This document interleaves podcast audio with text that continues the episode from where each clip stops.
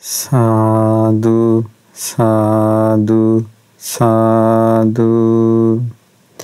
නමස්කාර වේවා බුදුරුවනට. සැමදා බුදු හිමි සරණ යමි. නමස්කාර වේවා දම්රුවනට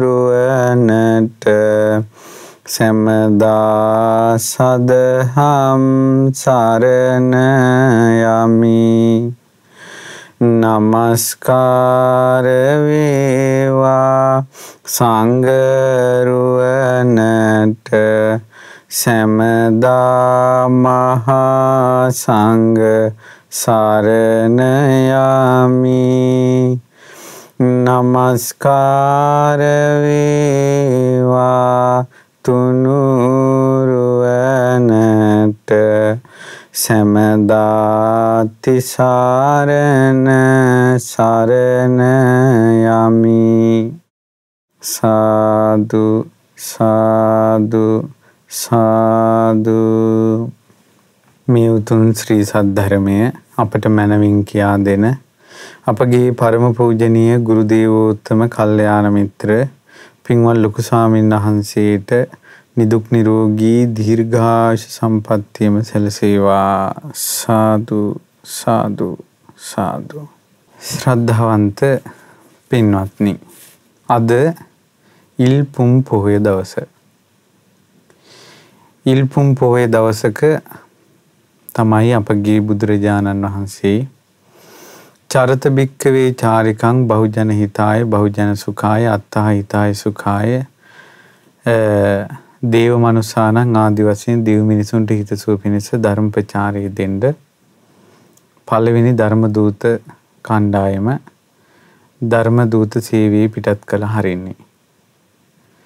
ඒ වගේම වස් වාසය කරලා අවසන් වෙලා පසුවස් සමාදන් වුණ අය සංඝ පිරිසත් පසුවස් පවාරණය කරන්නේ අද කටින පින්කම් මේ පෝයෙන් අවසන් වෙනවා. ධර්ම සේනාධිපති සාරිපුත්ත මහරහතන් වහන්සේ පිරිනවම් පාලා තියෙන ඒ පින්කම සමරන්නේ ඉල් පෝයට. ඉතින් මේ වගේ උතුම් පුම් පෝය දවසක ශ්‍රද්ධා රූපවාහිනියෙන් ලක්විරු ගුවන් විදුලියෙන් ධර්ම දාණය ලබා දෙන්න කටයුතු කරනවා අද මේ ධර්ම දේශනාව විකාශනය කරවන්නට අසංක රාජපක්ෂ සසිනි වීරකෝන් ඒ වගේම නිකිනි රාජපක්ෂ සහ ආර්ය දහම් රාජපක්ෂ යන පින්වත් පිරිස සහ ඉඹුල්ගස් දෙනිය පුරාණ හෙළ වෙද ගෙදර පදිංචි පින්වත් එච්.ආර්. ධම්මික ප්‍රදීප් ප්‍රේමරත්න වෙද මහත්මයා ඇතුළු පවුලේ ඥාතීන් එකතු වෙලා තියෙනවා අද මේ ධර්ම දාණය ලබා දීම පිණිස. ඒතකොට මේ පින්වතුන් විශාල පිනක් අද දවසේ රැස් කරගන්නවා මේ පුම් පොය දවසේ මුළු ලෝකේ පුරාම ධර්මය අහන්ට සලස්වන ඒ ධර්ම දාන පින්කම මුල් කරගෙන. ඉතින් පින්වතුනි අද මම මේ සවස් කාලයේ ධර්ම දේශනාවට විශේෂ දහම් කරුණු ටිකක් කියලා දෙන්න කල්පනා කළා. මුලින් කල්පනා කළා මේ කොරෝනා වසංගත කලබල කාලයේ නමුත් කටින පින්කම් කරගත්තා. කීප දෙනා කීප දෙනා හරි එකතු වෙලා කටින පින්කම් කරගත්තා. ආයෙ කටින පින්කමක් එන්නේ ඊළඟ අවුරුද්දේ. ඊළඟ අවුරුද්දේ වෙනකොට මොන මරාලයක් කඩාපාත් වෙයිද කියලා දන්න කෙනෙකුත් නැහැ. එච්චරම අවිනිශ්චිතයි කාලගුණෙත් ඒ වගේ සමාජෙත් ඒ වගේ දේශපාලනෙත් ඒ වගේ රෝග පීඩාත් ඒ වගේ මේ ශරීරෙත් ඒ වගේ විශ්වාසයක් නැහැ. ඉතින් කෙසේ නමුත් කටින පින්කම් කරගත් උදවියක් තියෙනවා කටින පින්කම් නොකරගත් උදවියක් තියෙනවා.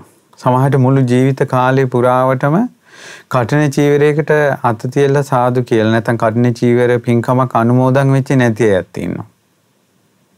ජීවිත කාලෙකටම කටින පින්කම් ජීවිතේ කිහිප වතාවක් කරගත් අයත් තියෙනවා. ඒ නිසා මම පොඩි වෙලාවක් ගන්නම් කටින පින්කමේ ආනිසංස ගැන ඔබට පොඩ්ඩක් සිහි කරන්න. එහෙම සිහි කරලා අද ධර්මානුශාසනාව සිද්ධ කරනවා සවස් කාලේ. පින්වත්නි ලෝතුරා සම්මා සම්බුදුරජාණන් වහන්සේ නමක් ලෝකයේ පහළ වෙන්නේ ඊටමත් කලාතුරකින්. ලෝතුරා සම්මා සම්බුදුරජාණන් වහන්සේ කලාතුරකින් ලෝකයේ පහළ වෙලා මේ උතුම් ශ්‍රී සද්ධර්මයේ දේශනා කරනවා. සංසාරයේ පූරිත පින් ඇති මෝරපු නෙළුම් බඳු මහා පින්නන්තයන් තථාගතයන් වහන්සේ නැමැති හිරු මණ්ඩලෙන් විහිදෙන ශ්‍රී සද්ධර්මයේ නැමැති හිරු රැස් හමුවේ විකසිත වෙනවා පිපෙනවා. ඒ විදිහට තමයි බුදු බණ පදයක් අභියසම් මහරහතන් වහන්සේලා මගපල්ලාබින් සංගරුවන බිහි වෙන්නේ.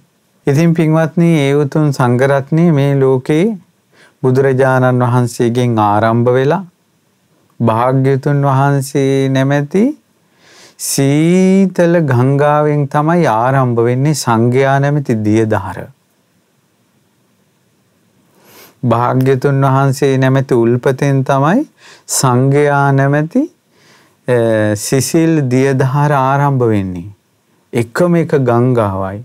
සීමුක බුද්ධ වචන ගංගාව. භාග්‍යතුන් වහන්සේ නැමැති උල්පතින් මම මේ කසාවතත් දරාගෙන සිටින මමත් ඒ ගංගාවේ කොහේ හරි තැනක ඉන්න කෙනෙක්.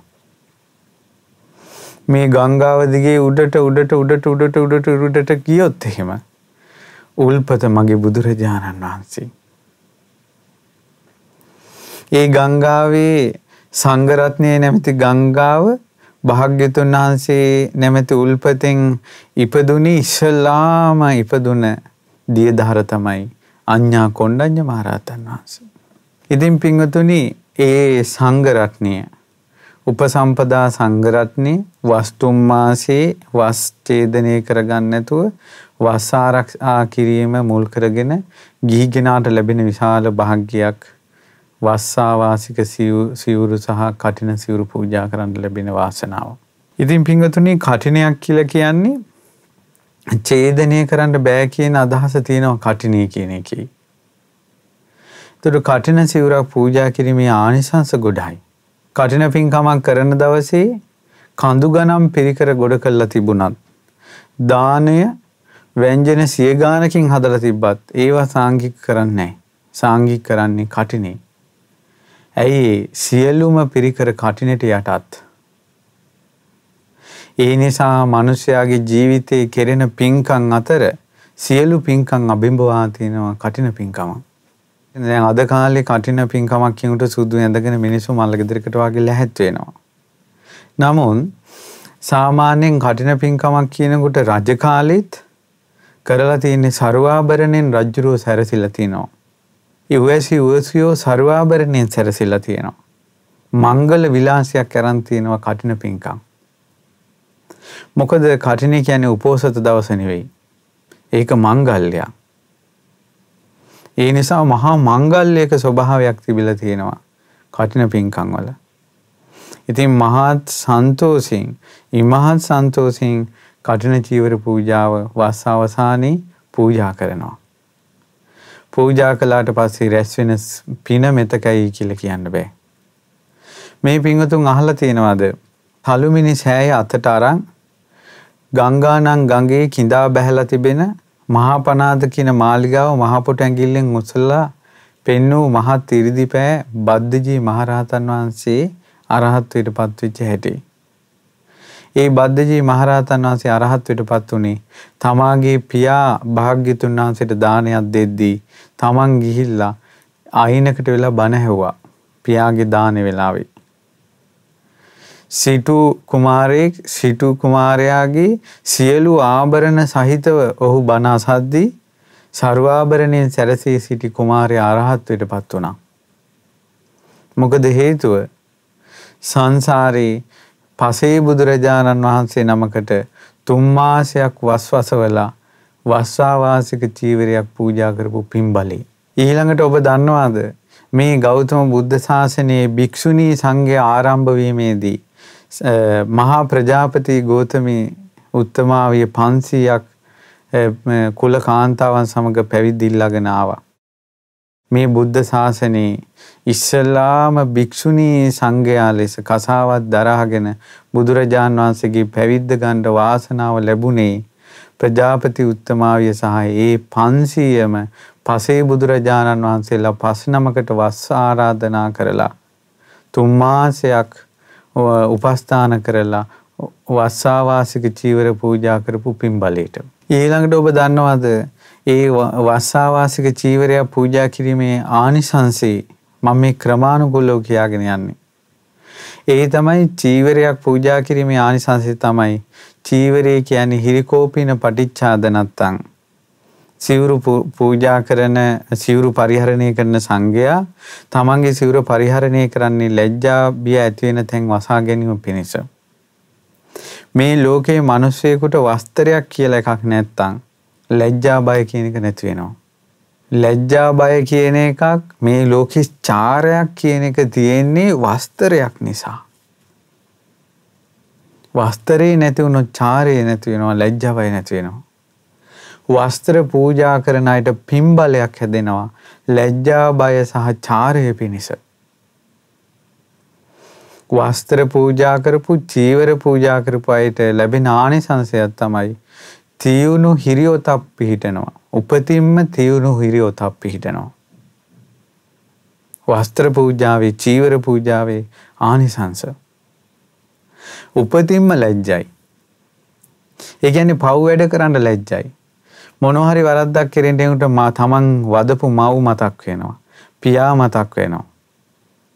ඊළඟට ස්වාමියෙක් නම් බිරිඳ මතක් වෙනවා. බිරිඳ නම් ස්වාමියා මතක් වෙනවා. අනාචාරයකට හිත යන්නේ අපුලයි. අසම්මතයකට විකෘති ආසාවකට හිත නැමෙන්නේ අපුලයි. අප්පිරියයි. ඉතින් ඒ නිසා ඒ තියුණු හිරියොතප් ලැජ්ජා බය කියන එක මිනිසයාගේ හිත තුල පිහිටනවා වස්ත්‍ර පූජා කරන පින්බලෙන්. ඔබ දන්නවද බුද්ධ ශාසනය ගොඩාක්ම ඉන්ද්‍රිය සංවරයෙන් ඒ කියන්නේ ඇස කන නාසය දිවකය මනස කියන ආයතන හය හොඳටම සංවර කරගෙන හිතට පව් ඇති වෙන්න දෙන්නේ නැතුව හිටපු මේ තෙරුන් වහන්සේ කවුද කියලා දන්නවද? නන්ද තෙරුන් වහන්සේ. නන්ද තෙරුන් වහන්සේ සංසාරේ ගොඩාක් සිවුරු පූජා කරපු කෙනෙක්. ගොඩාක් වස්ත්‍ර පූජා කරපු කෙනෙක්. එක ඇඳේ අවුරුදු 12ක් එක ඇඳේ නිදාගෙන තමා වෙනුවෙන්ම විවාහ වෙලා ඉන්න බද්දා කාපිලානි නම් වූ බිරිඳ ගැන රාගසිතක් උපද්දවන්ටත් ලැජ්ජා වුණ ඒ පිප්පලි නම් වූ කුමාරයා සංසාරේ බොහෝ වස්ත්‍ර පූජා කරපු කෙනෙක්. ඒ නිසා වස්ත්‍ර පූජාව චීවර පූජාව කියන්නේ තියුණු හිරියොතක් පිහිටනවා ලැජ්ජා බය පිහිටනවා.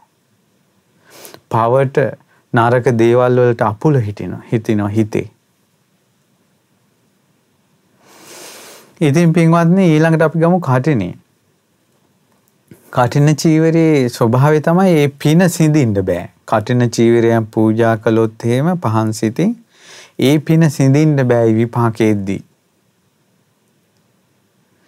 උදාහරණයක් ඇයි සිඳින්න බැරි විපාක කියන්නේ මොකද්ද? මහදන සිටුතුමාගේ කතාව බහලා තියෙනවද? මහදන සිටුතුමාට පුත්‍රයෝ පුත්‍රයෙක් හිටියා. විශාල ධනස්කන්ධයක්. රං රිදී මුතු මැණික් විශාල ධනස්කන්ධයක් තියෙනවා හත්මුතු පරම්පරාවක් වියදම් කළත් ඉවර වෙන්නේ නැහැ කියන කතාව තමයි හැමතැනම පැතිරුණේ. තාක්ෂශිලාවට ගිහිල්ලා තමන්ගේ පුතාට ශිල්ප ශාස්ත්‍ර ලබා දෙන්න සිටුතුමා උනන්දු දුන්නේ නිකන් ඇයි ওই කාලේ කන්නේ කියලා. උන් සැපසේ සනීපේ හිටපු දෙන් කිව්වා ගෙදර. මෙලෝ හසරක දැනුමක් නැහැ අර ඉපදුන කොල්ලට. ඊටම හරියන ජාඩියට මෝඩිය වගේ උන්දෑ කෙනෙකුත් කසාද බැන්දුවා. තරුණ කාලේ ඉතින් රාජසේවයට යනවා. රජතුමාගේ මාලිගාවේ රාජසභාවේ ඉඳගෙන ඉඳලා එනවා. එනකොට මෙයාට පේන්ට සුරා සොඬුන් කල්ලි ගැහිලා බොනවා. ඊට පස්සේ උපස්ථායකින් එහෝ මොනවද අනේ ඌවා තමයි කොල් ලෝකේ තියෙන මිහිරිම පානේ. ඊට පස්සේ අරයි කතා කරලා පොඩ්ඩක් දුන්නා. මෙයාටත් රහ වැටුණා. අපි මාලිගාවටක් ගියමු කිව්වා. අන්න විනාශයේ මුල සුරාව. විනාශයේ මුල සුරාව පැහැවුනේ මොකටද? මෝඩකමට. විනාශයේ මුල සුරාව මෝඩකමට පෑහුණා. ජාඩියට මෝඩිය බිරිඳ උන්දත් පැහැහුණා. ඊට පස්සේ ඔක්කොම මෙස මේ බේබද්දු ටික මේ සිටු මාලිකාවයි. ධනය වතුරට ගහගෙන ගියා වගේ. ඊට පස්සේ කියනවා සිටුතුමනි නැටුන් නටන ලියක් සිටිනවා. විදුලිය වගේ ඇඟ රත් වෙනවා. මේ සුරාව ගත්ත වෙලාවට අපේ ලෝකේ අමතක වී දෙව්ලෝකට වගේ යනවා. ඈ ගේමුද කියලා ඇහුවා. හැබැයි සිටුතුමනි ටිකක් ගාන සැරයි. ඉතින් මොකටද බං අරන් වරෙන් ගාන ගැන හිතන්න එපා. කියන අලුත් සුරාවක් තියෙනවා මේ වගේ නෙවෙයි.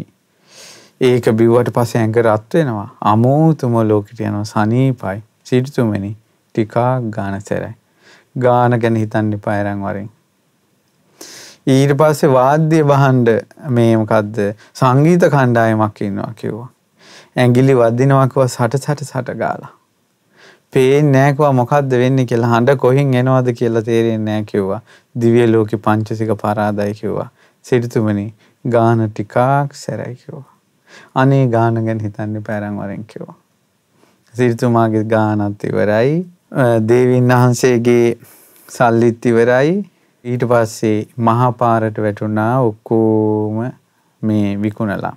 ඊට පස්සේ මහා පාරට වැටිලා හිඟා කකා යනවා. බුදුරජාන් වහන්සේ ආනන්ද ස්වාමීන් වහන්සේට කියයිනවා ආනන්ද දුටුවා දර දෙන්න.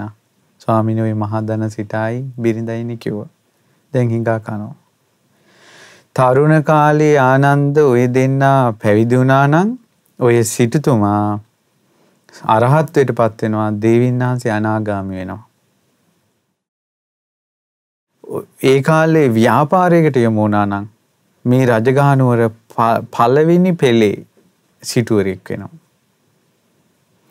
ඊට පස්සේ කාලෙක හරි මහන වුණා නම් ඔය මේ සිටුතුමා අනාගාමී වෙනවා බිරිඳ සකදාගාමී වෙනවා.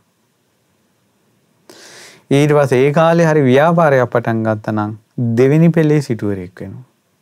ආනන්ද ඔය මහදන සිටා ඊට පස්සේ වයසට ගිහිල් හරි මහන වුණානම් ඔය සිටතුමා සකදාගාමි වෙනවා බිරිඳ අනාගාමි වෙනවා. ඒ ඒ වයසට ගිහිල්ලා හරි ව්‍යාපාරයක් පටන් ගත්තා නම් තුන්වෙනි පෙළේ සිටුවරෙක් හරි වෙනවා. ආනන්ද ඔක්කොම නැසුණා. ජරා ජීර්ණ වුණා. දැන් ආනන්ද නැසිලා දැන් වෙනසිලා නිරේට නියම වූවන්සේ ඔය යන්නේ කියලා කිව්වා. ඒ වෙලාවේ බුදුරජාණන් වහන්සේ ගාථාවක් වදාලා. බුදුරජාණන් වහන්සේ ධම්මපදී ජරා වර්ගයේ ඒ ගාථාව වදාලා අචරිත්වා බ්‍රහ්මචරියං අලද්දා යොබ්බනේ දනං ජින්න කොංචාව ජායන්ති කීන මච්චේව පල්ලලි බුදුරජාණන් වහන්සේ වදාලා ඔන්න මුල් කාලේ බඹසර හැසුරුනෙත් නැහැ. ඒ කියන්නේ මහානකමක් ගැන හිතුවෙත් නැහැ. අලද්දා යොබ්බනේ දනං ගිහි ජීවිතේ ධනෙ උපද්දවලා විනාශ වෙන්නේ නැතුව දිනුනෙත් නැහැ. ජින්න කොංචාව ජායන්ති කීන මච්චයෝ පල්ලලි බලන්ට ආනන්ද මසුන් නැති මඩ වගුරක් අභියස සිටින දිරාගිය කොක්කු වගේ මඩ වගුරක් වතුරත් හිඳිලා මාළුත් නැහැ. පියාඹන්නත් බෑ කොක්කු දෙන්න වයසට ගිහිල්ලා. කොහොමද අසරණකම? පිනත් දහමක් කරගෙනත් නැත්තම් බණත් දහමක් ඉගෙනගෙනත් නැත්තම් පන්සිල් රැකෙමින් නිති උපෝසතේ රැකලා ඒ වගේ දහම පැත්තට ගිහිල්ලත් නැත්තම් ඊළඟට අසාධාරණයක් නැතුව ධාර්මිකව හරිහම්බු කරගෙන ධනවත් වීමකුත් වෙලා නැත්තම් ඒ අයගේ අවසානයේ වතුර නැති මාළුත් නැති මඩ වගුරක් ළඟ හිටගෙන ඉන්න දිරාගිය තටු සොලවා ගන්නවත් පණ නැති කුක්කු වගේ. ඊට පස්සේ බුදුරජාණන් වහන්සේ වදාලා අචරිත්වා බ්‍රහ්මචරියං දහම පැත්තට යමුනෙත් නැහැ. අලද්දා යොබ්බනේ දනං ධනෙ හම්බ කළෙත් නැහැ. සෙන්ති චාපා තිකිත්තාව පුරාණානි අනුත්තුණක්. ඊතලයක් වැටිලා තියෙනවා වැටිච්ච තැනම දිරාගෙන යනවා. ඒ ඊතලේ ආයේ දුන්නට එන්නෙත් නැහැ ආකාශය යන්නෙත් නැහැ. එතනම දිරනවා. ඔන්න අසරණකම.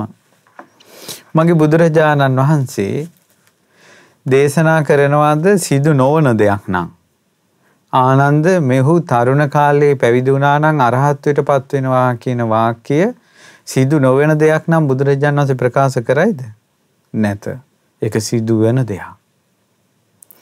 එහෙනම් අරහත්වයට පත් වෙන්න තිබ්බ පින පාප මිත්‍ර ශ්‍රේවණේ නිසා සුරාව සූදුව නිසා විනාශ වුණා. අන්න අරහත්වයට පත් වෙන්න තිබ්බ පිනත් ඡේදනය වුණා. සිඳුණා. නමුත් කටින පින කියලා කියන එක ඔන්න ඔය වගේ ඡේදනය වෙන්නේ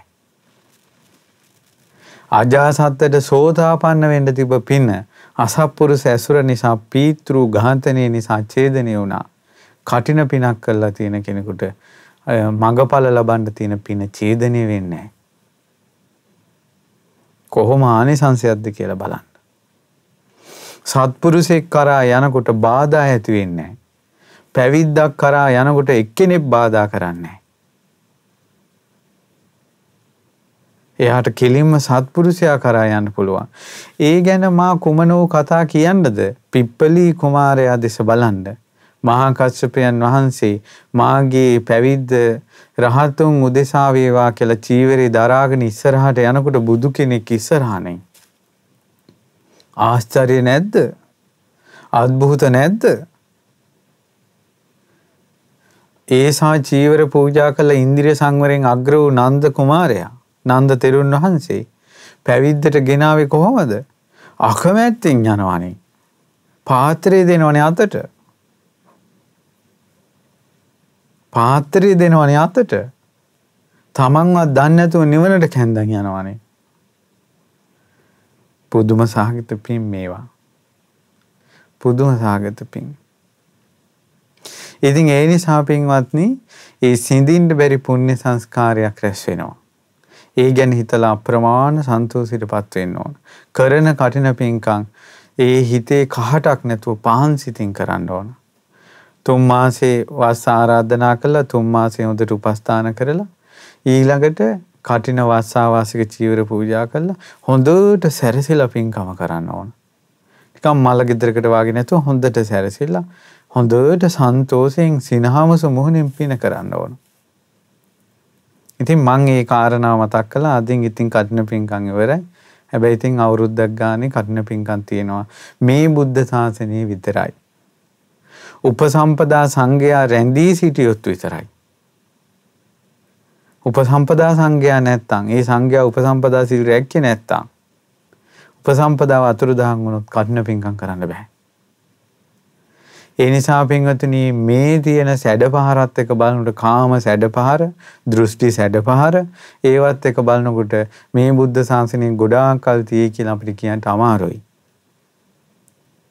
ඒ නිසා මෙතනින් ඡේදනය වුණොත් මේ කන්න පිංකම් ආය මේ පොළොව ගව් හතක් වැඩෙන්න ඕන මෛත්‍රී බුද්ධ ශාසනය තමයි චීවරයක් පූජා කිරීම තියෙන්නේ. ප්‍රමාද වෙන්න හොඳ නැහැ. ඊළඟට පින්වතුනි මොනහරි පිනක් රැස් කරාට පස්සේ දැන් බලන්න කන්න පින්කම් වලට සාදු කියලා අනුමෝදන් වෙන අය දානමාන වලට සම්බන්ධ වෙන අය මුහු වෙන අය ඔක්කොම ওই පිනේ කොටස් කරුවෝනේ ඔච්චර පිනක් තියෙන මිනිස්සු මේ ඒ පින ගැන දන්නේ නැති නිසා සසර ගැන දන්නේ නැති නිසා මෝඩ වූ අදහස් වල වාසය කරනවා. මෝඩ වූ අදහස් කියන්නේ මොකද්ද? මේ කාම ලෝකෙට මායෙත් ආස කරනවා. කියනවා දුව උඹ මගේම දුවෙක් වෙනින්. පුතා උඹ මගේම පුතෙක් වෙනින්. ස්වාමියාට කියන ඔයා මගේම වෙන්න ඕන. බිරිඳ කියන ඔයා මගේම වෙන්න ඕන. ওই තරුණ ළමයිගේ ආදරේ පටන් ගන්න උපනෝපන් ජීවිතේ ඔයා මගේම වේවා. ඔහොමනේ පටන් ගන්නෙ. මල් පූජා කරන එකට උපනෝපන් ජීවිතේ මගේම වේවා. චෛත්‍ය වඳිනවා බෝධි වඳිනවා. පාඬුරු ගැට ගහනවා. එක එක දේවල්. එතකොට හිතේ තියෙන ප්‍රාර්ථනාව හැම වෙලාවෙම කාම ලෝකෙකමයි තියෙන්නේ. එතකොට කාම ලෝකෙට අයිති දේවල් වලට ආසයි. ඉඩ කඩන් වලට ආසයි, අමුදරුවන්ට ආසයි, යාන වාහන වලට ආසයි, වතු පිටි වලට ආසයි. ඒ ආසාව පවතින්නේම කාම ලෝකේ. මහගෙදරින් යන්න කැමති නැහැ. මහගෙදරට ආසයි. උඹල ඕන තැනක ඵලයලා අපි ඉතින් ඉපදුනේත් මෙතනනේ කියනවා. එතකොට ඒ වාගේ අර කාම ලෝකයේම හිත පවතිනවා. එතකොට පින්වතුනි කාම ලෝකයේම හිත පවතීමේ ආදීනවේ මොකද්ද? කාම ලෝකයේ කියලා කියන්නේ මේ ඕලාරික වූ ශරීරයක් හම්බ වෙනවා. මේ ඕලාරික වූ ශරීරයක් හම්බ වීමේ ආදීනව මොකද්ද? යන්තා දුක්ඛන්දරය ඇද්ද ඒ ඔක්කොම දුක් ටික විඳින්න ඕන මේ ශරීරේ. හොඳට කල්පනා කරලා බලන්න මේ ලෝකේ යන්තාක් රෝග තියෙනවාද ඒ සියලුම රෝගයන් හැදෙන්නේ මේ ශරීරේට. ඒ නිසා බුදුරජාණන් වහන්සේ මේ ශරීරේ රෝගයක් විදිහට බලන්න කිව්වා. බලන්න ප්‍රෙෂර් මේ ශරීරේට සීනි අමාරුව කොලෙස්ටරෝල් බගන්දලා දද කුෂ්ඨ වන හොරි ඊළඟට යන්තාක් රෝග ඇද්ද සියලුම රෝග මේ ඇඟට හැදෙනවා. දැන් කට්ටිය ඔක්කොම කොරෝනා වලට බය වෙලා සිටිනවා. කවුරුත් බයයි. ඒතර කොරෝනා වලට බය වෙන්නේ ඇයි? මේ ශරීරය රෝගාබාධ වලට ලක්වන ස්වභාවයෙන් තිබෙන නිසා. අපේ ඇඟ ගැන අපිට තියෙනවා නම් ස්ථිර අදහසක් මේ ඇඟේ රෝගාබාධ හැදෙන්නේ නැහැ කියලා කොරෝනා වලට බය වෙන්නේ නැහැ. එහෙනම් කොරෝනා වලට බය වෙනවා කියලා කියන්නේ බය වුණේ කොරෝනා වෛරසයට නෙවෙයි. ඇත්තටම බය වුණේ මොකටද? තමන්ගේ ශරීරයට. දැක්කද නාලා කියලා ඊළඟට සෝදලා සෙන් පවුඩර් දාලා ඇඳේ සතප්පවලා AC දාලා ෆෑන් දාලා හොඳට අන්දවලා කවලා පොවලා හදපු මේ ශරීරයම අපිට බය ගෙනල්ලා දුන්නා. කොරෝනා වෛරසය නෙවෙයි අපේ කට වැහුවේ. අපේ ශරීරය. ඇයි කටෙන් මේක ඇතුල් කරගන්න කට සූදානම්. නාසයෙන් වෛරසය ඇතුළු කරගන්න නාසය සූදානම්. වෛරසය අතේ තවරා ගන්න අත සූදානම්. ඒ නිසා අත් සෝදන්න වෙලා තියෙන්නේ. මිනිසෙකුට මීටරයක් ඇතුළත ලං වුණොත් එහෙම එයාගෙන් Tamanට වෛරසය ගන්න ඇඟ සූදානම්. ඒකයි අපිට මිනිසයන්ගෙන් ඈත් වෙලා ඉන්න උනේ. ඒ නිසා මේ ඉස්කෝල වහලා ඊළඟට ටවුන් වහලා ඊළඟට හිතු මතේ කොහෙවත් යන්න බැරුව මේ එක් තැන් කළේ කොරෝනා වෛරසය නෙවෙයි මේ ශරීරය. හොඳට නුවණින් බැලුවොත් ප්‍රශ්නේ හඳුනා ගන්න ප්‍රශ්නේ තියෙන්නේ කොතනද කියලා. ඒ නිසා මේ ශරීරය වලට ආස කරන්න එපා. අද වාගේ දවසක සාරිපුත්ත මහරහතන් වහන්සේ පිරිනුවම් පාවදාලේ. උන්වහන්සේලා පරිණිරවාණය බලාගෙන හිටිය මාසේ පඩියක් ගන්න ගන්ට බලාගෙන ඉන්නවා වගේ. ප්‍රඥාවෙන් අග්‍රේශ්වර සාරිපුත්ත මහරහතන් වහන්සේ මේ ශරීරය දිහා බැලුවේ පස් ටිකක් වගේ. මහ පොළොවේ පස්වලට හොඳ නරක මොනව දැම්මත් කම්පා වෙන්නේ වගේ උන්වහන්සේගේ ජීවිතය දිහා උන්වහන්සේ බැලුවා මේ ශරීරයේ පස් ටිකක්. නිසා මේ ශරීරයට කවුරු හරි ගැහුවත් බැන්නත් උන්වහන්සේගේ හිත සලිත වෙන්නේ නැහැ. උන්වහන්සේ මේ ශරීරයේ දැක්කේ වතුර ටිකක් වගේ ගින්දරක් වගේ හුළඟක් වගේ පඨවි ආපෝ තේජෝ වායෝ කියන ස්වභාවයෙන් දැක්කා. නිසා මේ පොළොවේ තියෙනවා පස් ගතිය, පොළොවේ තියෙනවා ජලය, ඊළඟට හුළඟ, උණුහුම. ඉතින් ඒවට හොඳ නරක මොනවා එකතු වුණත් ඒව ඔහි තියෙනවා. ඒ වගේ මේ ශරීරයත් මහ පොළොවක් වගේ හිතුවා. ඒ නිසා සාරිපුත්ත මහරහතන් වහන්සේගේ හිත මහ පොළොවක් වගේ. අප දැන් අද කාලේ අපේ හිත එහෙම නෙමෙයි. පොඩි දේන් චංචල වෙනවා. පහන් සෙලක් වගේ. ඔහේ චංචල වෙනවා. hina වුණත් හිත රිදෙනවා hina වුන් නැතත් හිත රිදෙනවා. කතා කළත් හිත රිදෙනවා කතා නොකරත් හිත රිදෙනවා. හයියෙන් කතා කළත් හිත රිදෙනවා හිමීට කතා කළත් හිත රිදෙනවා කෝල් එකක් ගත්තත් හිත රිදෙනවා නැතත් හිත රිදෙනවා මැසේජ් එකක් ආවත් හිත රිදෙනවා නැතත් හිත රිදෙනවා හැම වෙලාවෙම රිද්දාගෙන ඉන්නේ. තුවාලයක් වගේ. හැම වෙලාවෙම ඇනෙනවා මේකට. මේ හිතට. බලන්න හිත තුවාලයක් වගේ. ඇයි මේ හිත තුවාලයක් වගේ වුණේ මේ ඇඟ මහලොකුවට ගත්ත නිසා. නැත්තම් මේ දෙතිස් කුණප කොට්ටාසයන්ගෙන් හැදිච්ච මේ ශරීරයට මොන නම්බුනාමද. මොනවා පැතිල්ලද්ද සාරිපුත්ත මහරහතන් වහන්සේ දේශනා කරනවා. ස්වාමීනි භාග්‍යතුන් වහන්සේ මම මේ ශරීරය ගැන හිතලා තියෙන්නේ ලස්සනට ඉන්න කැමති කෙනෙකුගේ ඇඟට දම්පෝ සරපකුණක් බලුකුණක් මිනීකුණක් වගේ චී කියලා. ලොකු කුඩා සිදුරු තියෙන කලයකට කුණු වෙච්ච මස් දාලා තියෙනවා. එතකොට අර සිදුරු නවෙන්ම වැగిරෙනවා. මේ වාගේ ඇඟක් මේ පරිහරණය කර කර ස්වාමීනි මන්නම් මහ ලොකුවට මහපාරට අඩිය තියන්නේ රොඩි කොල්ලෙක් රොඩි කෙල්ලෙක් දීන හිතකින් පාරට අඩිය තියනවා. බැනපු එකෙක් බැනපු දෙයින් ගහන එකෙක් ගහපු දෙයින් රවණ එකෙක් රවපු දෙයින් හින් පාස් කරන එකෙක් හින් පාස් කරපු දෙයින් කෙල ගහන එකෙක් කෙල ගහපු දෙයින් මගේ හිත රොඩි කොල්ලෙක්ගේ රොඩි කෙල්ලෙක් වගේ හිතින් මම මහ පාරට බහින්නේ. මේ කුණු ඇඟට ප්‍රශංසාව ඕනේ සාරිපුත්ත මහරහතන් වහන්සේ වදාළා. අර කලයක ලොකු කුඩා සිදුරු තියෙන කලයකට කුණු වෙච්ච මස් ටිකක් දැම්මට පස්සේ. ඒකේ ඒ සිදුරු වලින් එනවා. ඒ වගේ මේ නහෙන් නාහෙන් එළියට එනවා. නාස්පුඩු දෙකෙන්. ඔය එන්නේ වැగిරෙන්නේ කර වෙලා තියෙන්නේ නියපොතු වලින් අදින්නේ. සොර සොර ගාලා අදින්නේ.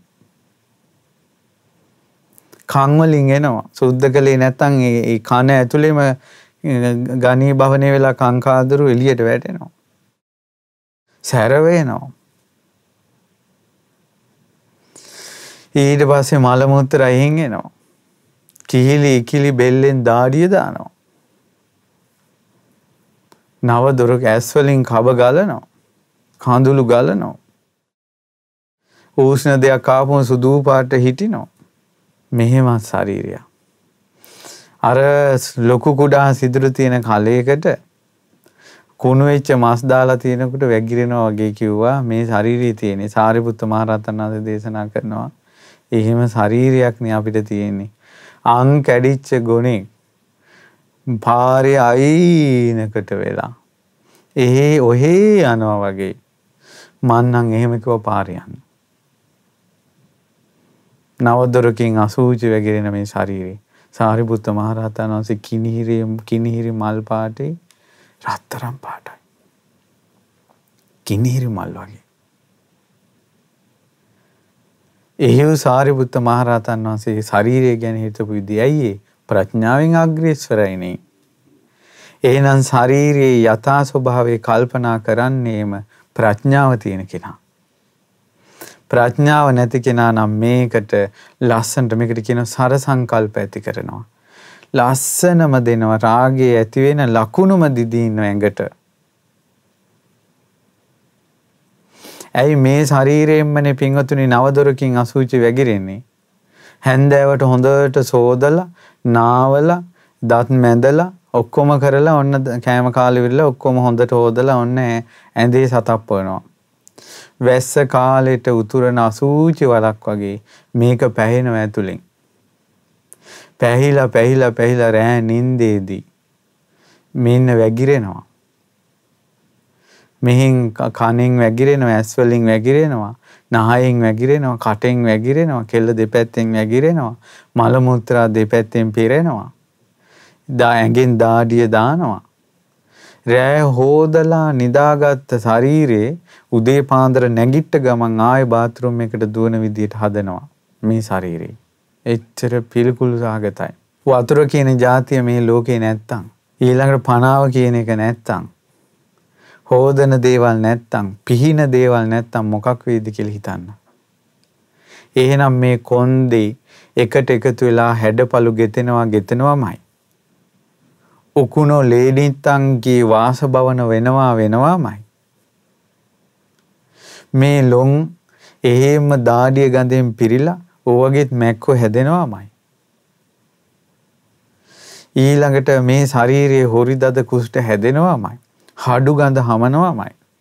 ඔය අපේ ශරීරවලට අඳින යම් යම් ඇඳුම් දවස් දෙක හේදුවේ නැත්තම් කොහොම ගන්ධසාරිද කියලා බලන්න.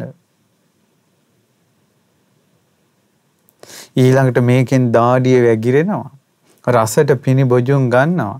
එහෙම රසට පිනිබොජුන් ගත්තාට මේක වැగిරෙනකොට අසූචිම වැගිරි වැගිරි යනවා. වැස්ස කාලෙට උතුරන අසූචි වලක් වගේ. වැස්ස කාලට පිරිලා ඒ අසූචි වලේ කොහෙන්ද සිදුරු තියෙන්නේ කොහෙන්ද මතුවෙන්න පුළුවන් හැම තැනීම මතුවෙනවා. ඒ වගේ මේ ශරීරී ඇත්ත කතාව. කවදාවත් මේ පොඩි පොඩි ෆෝන් තියාගෙන දැන් ළමයි පොඩි පොඩි කියන්නේ ලොකු ලොකු ෆෝන් තියාගෙන සෙල්ෆි ගහනවා ෆොටෝ ගහනවා. එකෙක්වත් මැදපු නැති කටේ ෆොටෝ එකක් ගහන්නේ දාඩිය දාගෙන කීලි වලින් දාඩිය වැగిරෙන ෆොටෝ එකක් කවුරුත් ගහන්නේ හොටු ඇක්කිරෙන ෆොටෝ කවුරුත් ගහගෙන තියාගන්නේ ඇස් වලින් කබ ඇවිල්ලා තියෙනවා කවුරුත් ෆොටෝ ගහගන්නේ ඊළඟට මල මුත්‍රා වැසිකිලි කරගෙන ඉන්නවා ෆොටෝ එකක් ගහන්නේ. නාන්න බැරුව තමන් ගෑඟ කිලිටි වෙලා තියෙන ෆොටෝ එකක් කවුරුත් ගහන්නේ. ඇයි ඇත්ත වහගෙන හොඳට සෙන් පවුඩර් ටික ගහගෙන තොලුත් පාට කරගෙන ඔක්කොම කරගෙන ෆොටෝ එක ගහනවා. ඇත්ත වැහුවා. එහෙනම් අපි ඇත්ත වහපු රූපෙට තමයි ආස කළේ. එහෙනම් අපි ලස්සන කෙනෙකුට ආස කරනවා කියන්නේ ඇත්ත වහපු ජීවිතයට ආස කළේ. සුවඳට ආස කළා කියන්නේ ඇත්ත වහපු ජීවිතයට ආස කළේ. ආස කරන ලෝකෙම ලැබෙයි. ආස කරන ලෝකෙම ලැබෙයි. ඉතින් තමන්ගේ ශරීරයේ ඇත්ත බලන්න. තමන් උදේට දත් මැන්දේ නැත්තම් දව හවසට දත් මැන්දේ නැත්තම් පහෝද උදේ දත් මැන්දේ නැත්නම් තමන් පිරිසක් මැදට ගිහිල්ලා කතා කරයිද කියලා බලන්නකෝ. තමන් කතාවට යන්නේ තමන්ගේ අසුබේ දැනගත්තා නම් තමන් ලොක්කු වගේ යන්නේ තමන්ගේ කිහිලි වලින් දාඩිය ගල්ලා ගන්ධසාරේනවා නම් ඊළඟට බලන්නකො සපත්තුවක් දාලා සපත්තු මේස් වල එන ගඳ කවුරුත් ඔය ගෙනල්ලා ගඳ දැම්මද? තමන්ගේම හැම ඇතිල්ලිලා එන ගඳ, තැම්බිලා එන ගඳ මෙවැනි ගන්ධසාරයක් හඩු ගඳක් තමන් ගැඟෙන් හැමුවොත් තමන් පිරිසක් මැදට යයිද? එහෙනම් මේ වැරදි කාම සේවන ස්ත්‍රී දූෂණ අපචාර අතවර කිරින් මේ ඔක්කොම තියෙන්නේ තමන්ගේ ඇඟ සුබයි කියන තැන. තමන්ගේ ඇඟ අසුබේ දැක්කනම් තව කෙනෙකුට ලං වෙන්න කැතයි. එයා නිසා නෙවෙයි තමන්ගේ ගඳ ඒ අයට එයි කියලා. අනාචාරයට නොකළ යුතු දේවල් වලට යොමු වෙන්නේම මේ ඇඟට සෙන් පවුඩර් ගහගෙනමයි. සුවඳයි කියන තැනමයි. ඒ නිසා මේ ශරීරයේ කුණු වෙලා යන දෙයක්, ගන්ධසාර දෙයක්, අපිරිසුදු දෙයක්, පිළිකුල් දෙයක් මේ ශරීරයට ආසා කළ යුතු නැත කියලා නුවණැති කෙනා කල්පනා කරනවා. මම මේ කිව්වේ පින්වතුනි මේ යුගයේ මෙහෙම බණක් හරි අහන්න ඔබට පිනක් තියෙනවා. ඒ පින තියෙන වෙලාවේ පුළුවන්ද කියලා බලන්න කන් හැන්දක් තරම්වත් නුවණකින් ජීවිතය ඇත්ත බලන්න. මේ ජීවිතේට අපි මුලා වෙලා පින්වත්නි ඉන්නේ. අපි මේ ජීවිතේ මේ බලන්න අපේ ඇඟ අපේ ඇඟ කියලා අපේ ඇඟට අපි ගොඩාක් ආස කරනවා. නමුත් එහෙම ආස කළාට පින්වත්නි මේ ඇඟ කිසිම කෙලෙහි ගුණයක් නැහෙනේ. කිසිම සත්පුරුෂකමක් නැහෙනේ. කෙලෙහි ගුණ නැති අසත්පුරුෂයා කියලා කට ඇරලා මනවින් කියන්න පුළුවන් මේ ශරීරයේ සඳහාම කිය යුතුයි. ඇයි පින්වතුනි මෙච්චර රසට කණ්ඩ දෙද්දී මෙච්චර රසට මේ බොණ්ඩ දෙද්දී මෙච්චර ලස්සන වටිනා ඇඳුම් අන්දවද්දී හොඳ යහන් වලින් මේ ඇඟ නිදි කරවද්දී AC දාලා ෆෑන් දාලා මේකට රස්නෙන් සීතලෙන් මේක බැලන්ස් කරද්දී ඊට පස්සේ හොඳ ලොකු වාහනවල මේක අරගෙන යද්දී පෝයර් ගාලා සෙන්ට් පවුඩර් ගාලා මේක සරසද්දී මඟුල් තුලාවල පෝරුවේ තියද්දී ඊළඟට මේක ලෝකෙටම මේ ඇඟ ෆොටෝ ගහලා මෙන්න ලස්සනයි ලස්සනයි කියලා ලෝකෙටම යවද්දී මේ ඇඟ විසින්ම අපිව ලෙඩ කරනවා. දැන් අපි කැමති නෑනේ කොරෝනා හදාගන්න. නමුත් මේ ඇඟ කැමති කොරෝනා වැළඳ ගන්න. අපි කැමති නෑ අපේ ඇඟේ හොරි දද කුෂ්ඨ වන හැදෙනවට. නමුත් මේ ඇඟ කැමති ඒවට. අපි කැමති නෑ මූණේ කුරුල්ලා හැදෙනවට. නමුත් මේ ඇඟ කැමති කුරුල්ලා හදා ගන්න. අපි අකමැති දේවල්මයි මෙයා කරන්නේ. අපි අකමැති දේවල්මයි කරන්නේ. මෙයාගේ දානිස් කැක්කුම හදනවා. කොන්දේ කැක්කුම හදනවා. මේ මුළු ඇඟම වේදනාකාරීව දෙනවා. ඊට පස්සේ මෙච්චර කන බත් පිඩක් පිඩක් ගානේ අපිට වද දෙනවා. කිසිම එක බත් පිඩක කෙලෙහි ගුණ නැතුව අවසානයේ මෙයා ජරා ජීර්ණ වෙලා ඇඳට දාලා කුණු වෙලා මැරිලා යනවා. එක බත් පිඩක කෙලෙහි ගුණේ මේ ශරීරයේ තිබෙන්නේ අපිට.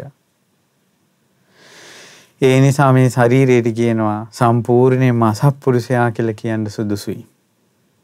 මේ වගේ ශරීරයට ආසා කරලා අපි ආයෙත් ආයෙත් මේ ශරීරම පැතුවොත් එහෙම පින්වතුනි ඒ තරම් අනුවන කමක් තවත් නැති තරම් මේ ශරීරවලට ආස කරන්න එපා. මේ කරන හැම පින්බලයකින්ම කරන හැම කුසලයකින්ම අනේ මේ ජීවිතයේ යථා ස්වභාවය අවබෝධ වේවා කියලා හිතන්න. සසර දුකෙන් නිදහස් වෙන්න ලැබේවා කියලා හිතන්න. මේ ලාමක දේවල් වලට තියෙන ආසාව දුරු වේවා කියලා හිතන්න. පින්වතුනි බලන්න මේ ශරීරයේ දෙතිස් කුණප කොට්ටාසය තියෙන්නේ. කේස් ලෝම් නිය දස් සම මස්නහර ඇට ඇට මිදුළු ආදි වශයෙන්. එතකොට මේකේ පිටට පේන්න තියෙනවා කේස් ලෝම් නිය දත් සම. මේ ටිකම හොද හොදා ඉන්න එපයි. ඇයි මේ ටිකම හොද හොදා ඉන්නේ? කිලිටි වෙන නිසා. ඇයි මේවම සුවඳ කර කර ඉන්නේ? කිලිටි වෙන නිසා. ඇඳුමක් පින්වතුනි කඩේ තිබ්බොත් එහෙම ඒවා හොදන්න ඕනේ මේ ඇඟට දම්පු ගමන් හොදන්න වෙනවා.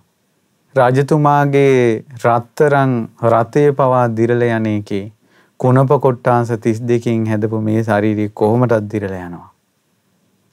අවසානයේ අපිට අපිටම වාරු නැතුව යනවා.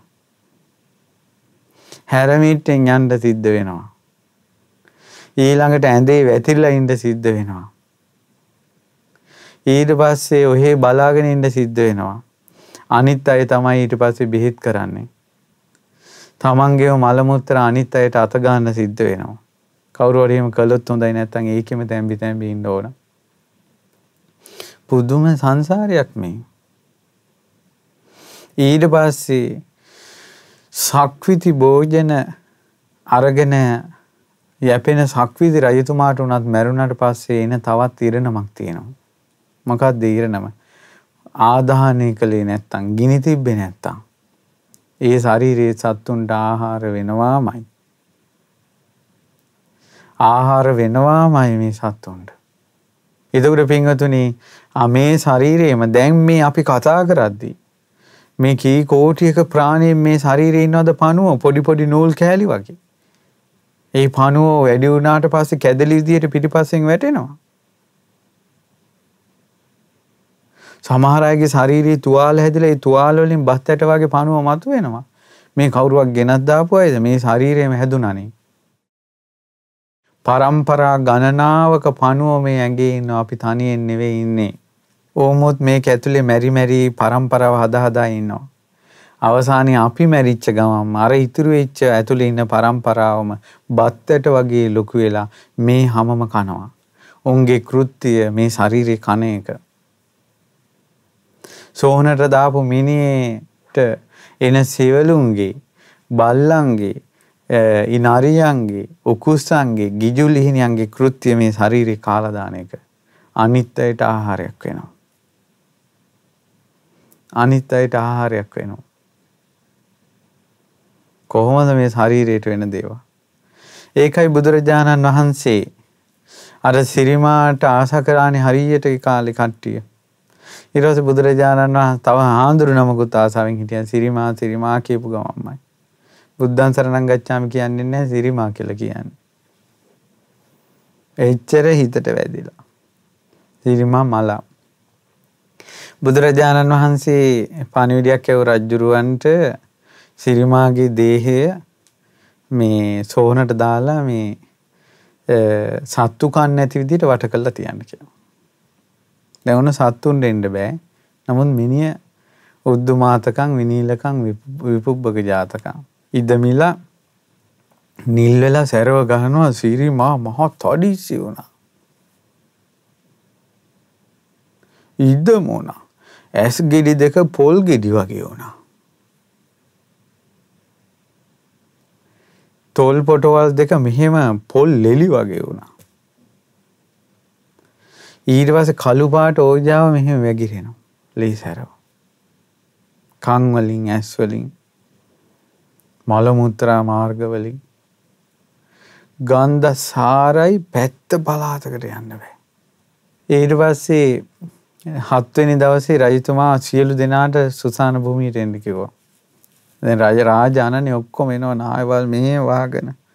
කලින් සිරිමා එතනින් යනකොට සුවඳ කරඩුවක් වගේ කටවල් අර ගන්නවා. වයසක සීයලත් ඇස් අරගෙන බලා ඉන්නවා. සිරිමා යනකොට. දැන් ඔක්කෝ මෙහෙම. සංඝයාත් වැඩිය. දැන් කාටවත් මොකුත් කරගන්න බෑ. සංඝයාගේ පැත්තෙන් භාග්‍යතුන් වහන්සේ වැඩ ඉන්නවා. බුදුරජාණන් වහන්සේ එතෙන්ට වැඩි නිසා කිසි කෙනෙකුට මොකුත් කරන්න බෑ. ඔක්කොම එන්න ඕන පිටිපස්සේ. මෙහින් රජ්ජුරුව ඇවිල්ලා ඉන්න නිසා ආය කාටවත් මොකුත් කරන්න බෑ. ඔක්කොම එන්න ඕන. බුදුරජාණන් වහන්සේ වදල්ල රයිතුමනි සිරිමාගේ ශරීරය ලංසු තියන්න සිරිමාත් එක්ක එක රෑයක් ඉන්ද ඒ කාලේ කහවණු ලක්ෂයක් ගන්නවා. කහවණු ලක්ෂයක්කට බැලුවා. කවුරුත් නෑ. 50000ක් කිව්ව සිරිමාගේ ශාරීරිය අපි දැන් අඩු කළා ගාන. කවුරු හරි අරන් යන්න ගෙදර තියාගන්න. මේ කහවණු 10යි 500යි 100යි කහවණු 10යි එක කහවණුවයි මොකෙක්වත් නැහැ ඊට පස්සේ කිව්වා එහෙනම් නොමිලේ අරන් යන්න. ඇයි මෙයා ලස්සන මේ ගණිකාවක්. අරන් යන්න ගෙදර. ඊට පස්සේ නිකන්වත් නැහැ. බුදුරජාණන් වහන්සේ වදාලා දැක්ක දැහුව ශරීරයේ හැටි. දැක්ක දැහුව ශරීරයේ හැටි. පස්ස චිත්ත කතම් බිම්බං අරුකායන් සමුස්සිතං ආතුරං බහු සංකප්පං යස්ස නත්ති දුහන්ටිති. බුදුරජාණන් වහන්සේ වදාලා හොඳට බලන්න. මේ ඇඟ දිහා බලන්න හොඳට. අරුකායන් සමුස්සිතං අසූචි වැగిරෙන නහරවැල් වලින් ගෙතිලා තියෙන මේ ශරීරය දිහා බලන්න. නව දොරකින් වැగిරෙන හැටි බලන්න. ආතුරං බහු සංකප්පං ලෙඩ වෙන ශරීරය දිහා බලන්න බහු සංකප්පං කියන්නේ ඒ උනට ගොඩාක් සිතිවිලි මිනිස්සු හිත හිතා ඉන්නේ මේ ඇඟත් එක්ක. මගේ මූණ ලස්සනයි. හැඩ ලස්සනයි. මහත වැඩිද දන්නේ කෙට්ටු වැඩිද දන්නේ උස වැඩිද දන්නේ බර වැඩිද දන්නේ ඊළඟට මගේ මේ හරි ලපයක් තිබ්බනම් හොඳයි. මේ ලපේ අයින් වුණා නම් හොඳයි. මගේ ඇහි බැමේ හොඳට මෙහෙම ආවනම් හොඳයි. ඊළඟට මන් දිහා අර කට්ටිය බලනවද දන්නේ ඊළඟට මං දැන් ඉස්සර වගේ නෙවෙයි. පොඩ්ඩක් වෙනස් වෙලා සියලුම සිතිවිලි මේ ඇඟත් එක්ක හිතුවනේ. අරයා මන් දිහා බලනවා, අරයා මට රවනවා, අරයා මට hina වුණා, අරයා මට hina වුන්නේ, අරයා මගෙන් යාළුවෙන් නැහුවා, අරයා මට කාමරයකට යන්න කතා කළා, ඊළඟ අරයා මට මෙහෙම කළා, අරයා මට අසාධාරණයක් කළා, අරයා මට මේ පළවෙනි පුටුව දුන්නා, අරයා මට සම්මානයක් දුන්නා. මේ ඔක්කොම හිතන්නේ මොකත් එක්කද? මේ ඇඟත් එක්ක. බහු සංකප්පං සිතිවිලි ගොඩායි. යස්ස නත්ති දුහන්ටිති. ඒ වුණාට මේක ස්ථීර භාවයක් පැවැත්මක් නන්නේ. ඔය සම්මාන ගන්න සියලූම දෙනා. ඔය ටීවී වල පේන සියලූ දෙනා. ඊළඟට මිනිස්සු මහා ඉහලින් සලකන සියලු දෙනා ඒ සියලු දෙනාට අවසාන ඉරණමක් තියෙනවා. ඒ තමයි මේ ශාරීරිය අත්හැරලා යන්න ඕන. ගිනි තිබ්බේ නැත්තම් සත්තුන්ට ආහාරයක් වෙන එක තුන් ලෝකේ කාටවත් වළක්වන්න බෑ. මේ සිරිමාගේ ඇඟ මෙච්චර මහත් වෙලා කුණු වෙලා ඕජා වැගිරුණි සිරිමා සෝවාන් වෙලා හිටියේ. සෝවාන් වෙච්ච කෙනෙක්ගේ ශාරීරිය කොහොමද? අපි මේ ලොකුවට හිතාගෙන හිටියට අවසානයේ බත් ටිකක් කන්න අත උස්ස ගන්න බෑ. අනිත් අය හැන්දෙන් පොවන්නේ. ඒත් බැරි වුණාම බට දාලා ජූස් කරනවා. අපි මේ කතා කළාට අවසානයේ තොල් පොට හොලව ගන්න බෑ තොල් වේලෙනවා. මේක පුදුම ශරීරයක් පින්වත්නි. මේවා මම නෙවෙයි, මගේ නෙවෙයි, මගේ ආත්මය නෙවෙයි කියලා කල්පනා කරන්න ඕනේ. මේ ශරීරය ගැන. මහා ඉහලින් අපි කතා කර කර ඉන්නේ මේ ඇඟවල් ගැන. දැන් ඔයා ටිකක් ලස්සන වෙලා ඉස්සර වගේ නෙවෙයි. දැන් වෙනස්. කිය මේ එක එක්කෙනාට මේ අපි ලකුණු දිදී ලකුණු දිදී ඉන්නවා. මෙහෙමත් ජීවිතයක්. ඇත්තක් කතා කරන්නේ එකෙක්. ඔයාගේ දත් ටික ලස්සනයි කියන මිසක්කා ඔය දත් ටික උදේ හවස මැන්දේ නැත්තම් ගඳ ගහනවනේ කියලා කියන ජීවිතේට කියන එකෙක් ඉන්නවද කියලා බලන්න. අනේ ඔයාගේ මූණ ලස්සනයි කියන මිසක්කා මූණ හේදුවේ නැත්තම් ඇස්කම් වලින් කබ කාඳුරු ගලනවා කියලා කතා කරන කෙනෙක් ඉන්නවද? මේවා හේදුවේ නැත්තම් මේ ඇඟ දවස් දෙකක් හඩු ගඳ ගහනවාමයි. අම්මලා තාත්තලා නාන්න නැත්තම් රිදි හොද ගන්න නැත්තම් අනිවාර්යෙන් දරුවෝ ඒ අම්මලා තාත්තලා පිළිකන්නට දානවාමයි. මෙහෙම ශරීරයක් ඉන්නේ. අවසානයේ දෙමව දරුවන්ටත් දෙමව්පියෝ අපුල වෙලා වැඩකාරයෝ දානවා හොදපල්ලා කියලා. ස්වාමියාට බිරිඳ එපා වෙලා වැඩකාරයෝ දානවා මෙයාව බලාගනින්න කියලා. බිරිඳට ස්වාමියා එපා වෙලා වැඩකාරයෝ දානවා බලාගනින්න කියලා. මෙහෙම ශරීරයක් තියෙන්නේ. අවසානයේ අපිටම අපි නඩත්තු නැහැ. ඉතින් ඔය වගේ තව සිද්ධියක් තියෙනවා මේ සංසාරය ගැන නිතර කල්පනා කරගෙන හිටපු ගොඩාක් වයසක භික්ෂුණියක් හිටියා. මේ වයසක භික්ෂුණිය ඇගේ නම උත්තරා. දිනක් පිණ්ඩපාත වැඩියා. ඇයට දාන ලැබුණා. දානි අරගෙන ඉද්දී ස්වාමීන් වහන්සේ නමකුත් පිණ්ඩපාතේ වැඩියා. ওই භික්ෂුණීන් හරි ආසයිනේ මේ හාමුදුරන්ට දන් දෙන්න. ඒ භික්ෂුණීන් වහන්සේ Tamanට ලැබුණ දාන ටික හාමුදුරන්ට පූජා කළා. ඊට පස්සේ ඒ භික්ෂුණියට එදා දාන්නේ නැහැ. දෙවෙනි දවසෙත් පින්ඩපාත ගිහිල්ලා ඒ භික්ෂුණියනකොට ආයෙත් ස්වාමීන් වහන්සේ නමක් හම්බ වුණා. මේ භික්ෂුණිය ඒ දානෙත් පූජා කළා. භික්ෂුණියන්ට සද්ධාව වැඩිනේ. ඊට පස්සේ තුන්වෙනි දවසෙත් දානේ ලැබුණා. ඊට පස්සේ ඒත් දානේ හම්බුණා. එදත් හාමුදුරනමක් හම්බුණා. එදත් පූජා කළා. ඇවිත් මෙයා බණ භාවනා කරන කෙනෙක්. ඊට පස්සේ මොකද උනේ? දැන් වෙවුලනවා. හතරෙනි දවසේ අමාරුවෙන් අමාරුවෙන් පින්ඩපාත ගිහිල්ලා ආහාර ටිකක් අරගෙන ඉස්සරහට එනකොට ආයෙත් ඉදිරියේ ශ්‍රමණයන් වහන්සේ නම අයියෝ කියලා කියන්න එපා. ඒ බුදුරජාණන් වහන්සේ. දිවසින් දැකලමයි වැඩි. එදා බුදුරජාණන් වහන්සේට දානේ පූජා කරන්න ඕන කියලා භික්ෂුණියට හිතුන්නේ නැහැ. භික්ෂුණියට හිතුනේ තුන් ලෝකෙට අග්ග ශාස්ත්‍රුන් වහන්සේ වඩිනකොට මම මාවතේ මැද ඉන්න හොඳ නැහැ කියලා ඈ ඒ මොහොතේම පාරෙන් අයින් වෙන්න හිතනකොට සිවුරේ කොන කකුලට පෑගිලා එහෙම ඇද වැටුණා පාර අයිනේ කානුවේ. පාත්‍රයේ විසි වුණා මැටි පාත්‍රයේ කුඩු වුණා. අර වයසක දිරාගිය භික්ෂුණිය කානුව එක හිර වුණා වැටිලා. මගේ බුදුරජාණන් වහන්සේ ඉතින්ට වැඩියේම බුදුරජාණන් වහන්සේ දන්නවා මේ භික්ෂුණී ආරාමයට යන්න කලින් වැටිලාම අපවත් වෙනවා. ඊට කලින් මේ වැඩියේ බුදුරජාණන් වහන්සේ ඒ වෙලාවේ ගාතාවක් වදාලා පරිචින්න මිදං රූපං රෝග නිඩ්ඩං පබංගුරං බිංජති පූති සන්දේහෝ මරණත්තංහි ජීවිතං. කියනවා භික්ෂුණිය මේ සිරුර දැන් ඉතාමත් දිරා ගිහිල්ලා. ජීර්ණත්වයට පරිචින්න මිදං රූපං. රෝග නිඩ්ඩම් පබංකුරන් හැම රෝගයක්ම බිත්තර දාන්න මේ කැදැල්ලි තමයි කිව්වා. බිජ්ජති පූති සන්දේහෝ මේ නවදොරකින් අසූචි වැගිරෙන මේක මරණත්තංහි ජීවිතම් මරණයෙන් බිඳී යනවා.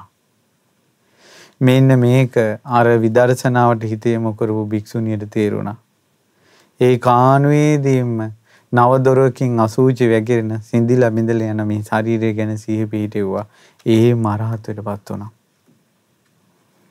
බුදුරජාණන් වහන්සේ මොහොතක් හරි මුණ ගැසීම කොයි තරම්නම් යහපත වෙනස පවතිනවද?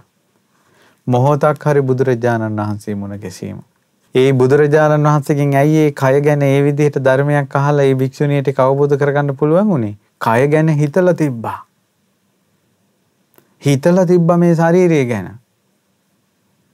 ඒ නිසා හිතලා තිබ්බ කෙනෙකුට ලෙඩ ඇඳේ හිටියත් ওই ශරීරයේ ඔහොම තමයි අපිට වද දෙන එකක්. අපි කොච්චර හොඳට කාලා බීලා හැදුවත් අවසානයේ අපිට දෙන්නෙම වද දීමනාවක් විතරයි තියෙන්නේ කියලා කියනකොට තේරෙනවා. ඔබ දැකලා නැද්ද රෝග වලින් වද විඳින මිනිස්සු දිහා?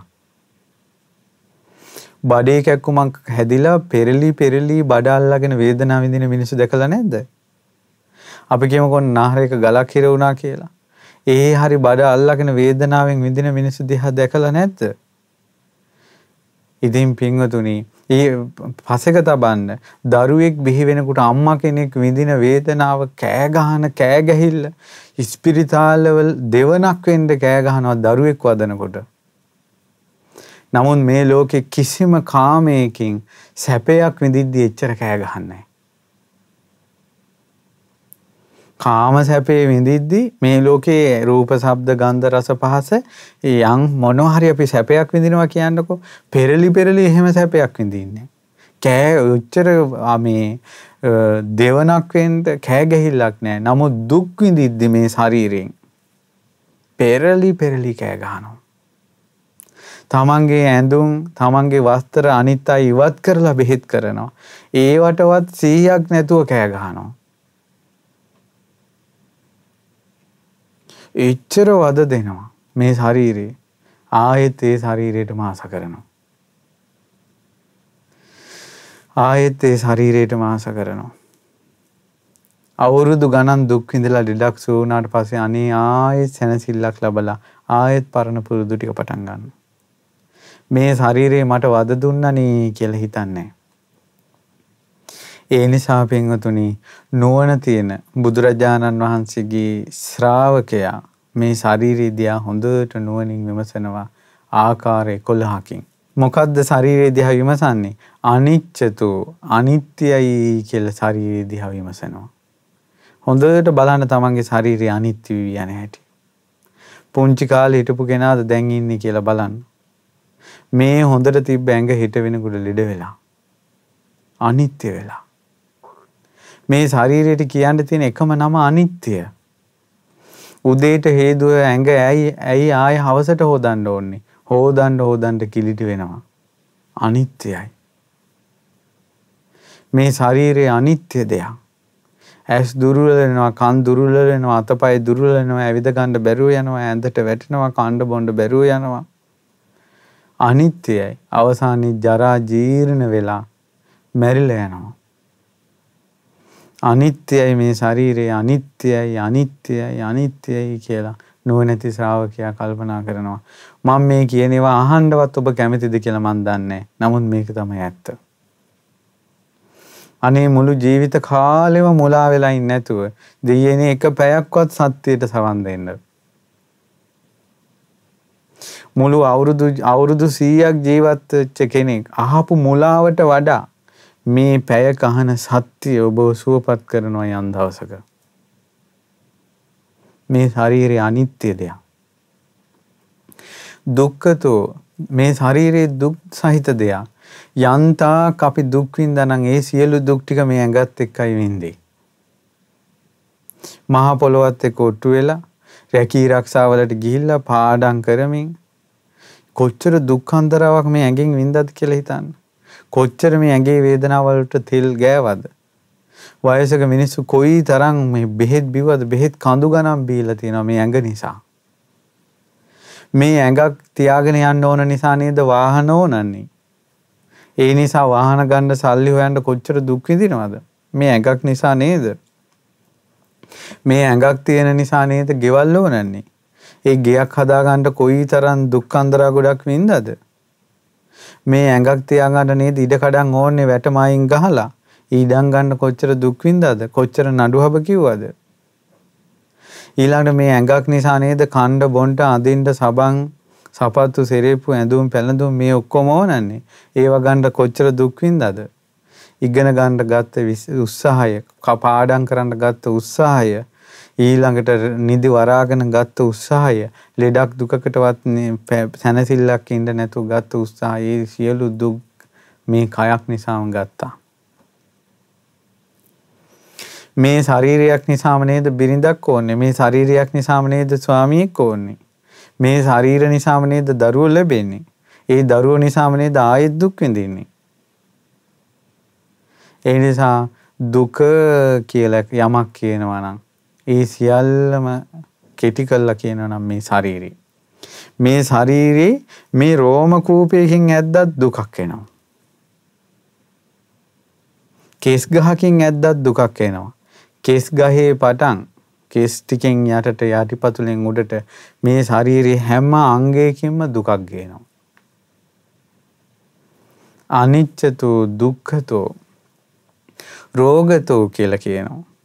රෝගතෝ කියලා කියන්නේ මෙහෙමයි. මේ ලෝකේ සියලුම රෝග හැදෙන්නේ ඇඟට.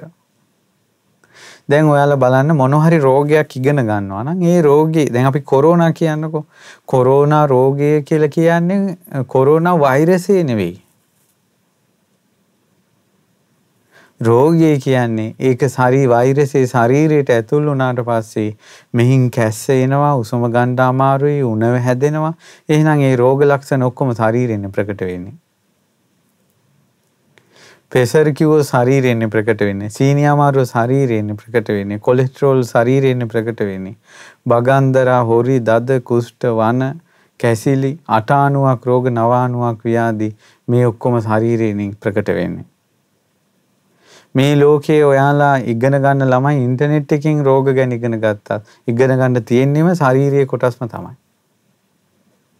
එහෙනම් රෝගය කියලා කියන්නේ මේ ශරීරයට. රෝගය කියලා කියන්නේ මේ ශරීරයට. මේ ශරීරේ රෝගයක් කියලා සීකරන නුවණැති ශ්‍රාවකයා. අනිච්චතෝ දුක්ඛතෝ රෝගතෝ ගණ්ඩතෝ ගඩුවක් වගේ. ගඩුවක් කියන්නේ සැරව ගෙඩියක්. ඒ සැරව ගෙඩිය පිරීලා තියෙනවා ලේ සැරවලින්. මේ මුළු ඇඟම ලේ සැරවත් එක්ක පිරීලා තියෙන කන්නේ. ඒ සැරව ගෙඩිය ඔබනකොට එබෙනවා. මේ ශරීරයත් ඔබනකොට එබෙනවා. ඒ සැරව ගෙඩිය වල කොයි හරි සිදුරු තියෙනවා නම් ලේ සැරව ජරාව එළියට එනවා. මේ ශරීරෙත් ඇස කන නාසය මේ ආයතන හය මේ නව දොරකින් එළියට එනවනේ ජරාව. සැරව ගෙඩිය ඇදුම් කනවා. මේකත් කෑවේ නැත්තම් ඇදුම් කනවා. වතුර බීවේ නැත්තම් ඇදුම් කනවා. නිදාගත්තේ නැත්තම් ඇදුම් කනවා. වැඩිපුර හිටගෙන හිටියොත් ඇදුම් කනවා. වැඩිපුර ඇවිද්දොත් ඇදුම් කනවා. වැඩිපුර ගමන් ගියොත් ඇදුම් කනවා. ඇදුම් කනවා මේ ශරීරේ. ඊළඟට සැරව ගෙඩිය තෙල් ගානට සනීපයි. අත ගානකොට සනීපයි. සැරව ගෙඩිය. ඉතින් සැරව ගෙඩි වලට අපි ආස කරනවානේ. සැරව ගෙඩියක් විදිහට මේක දකින්න කිව්වා. අනිච්චතෝ දුක්ඛතෝ රෝගතෝ ගණ්ඩසෝ සල්ලතෝ සල්ලතෝ කියන්නේ උලක් කැනුණා වගේ. කකුලේ උලක් කැමුණාට පස්සේ එතන ආපහු තියන්න බෑනේ. රිදෙනවා.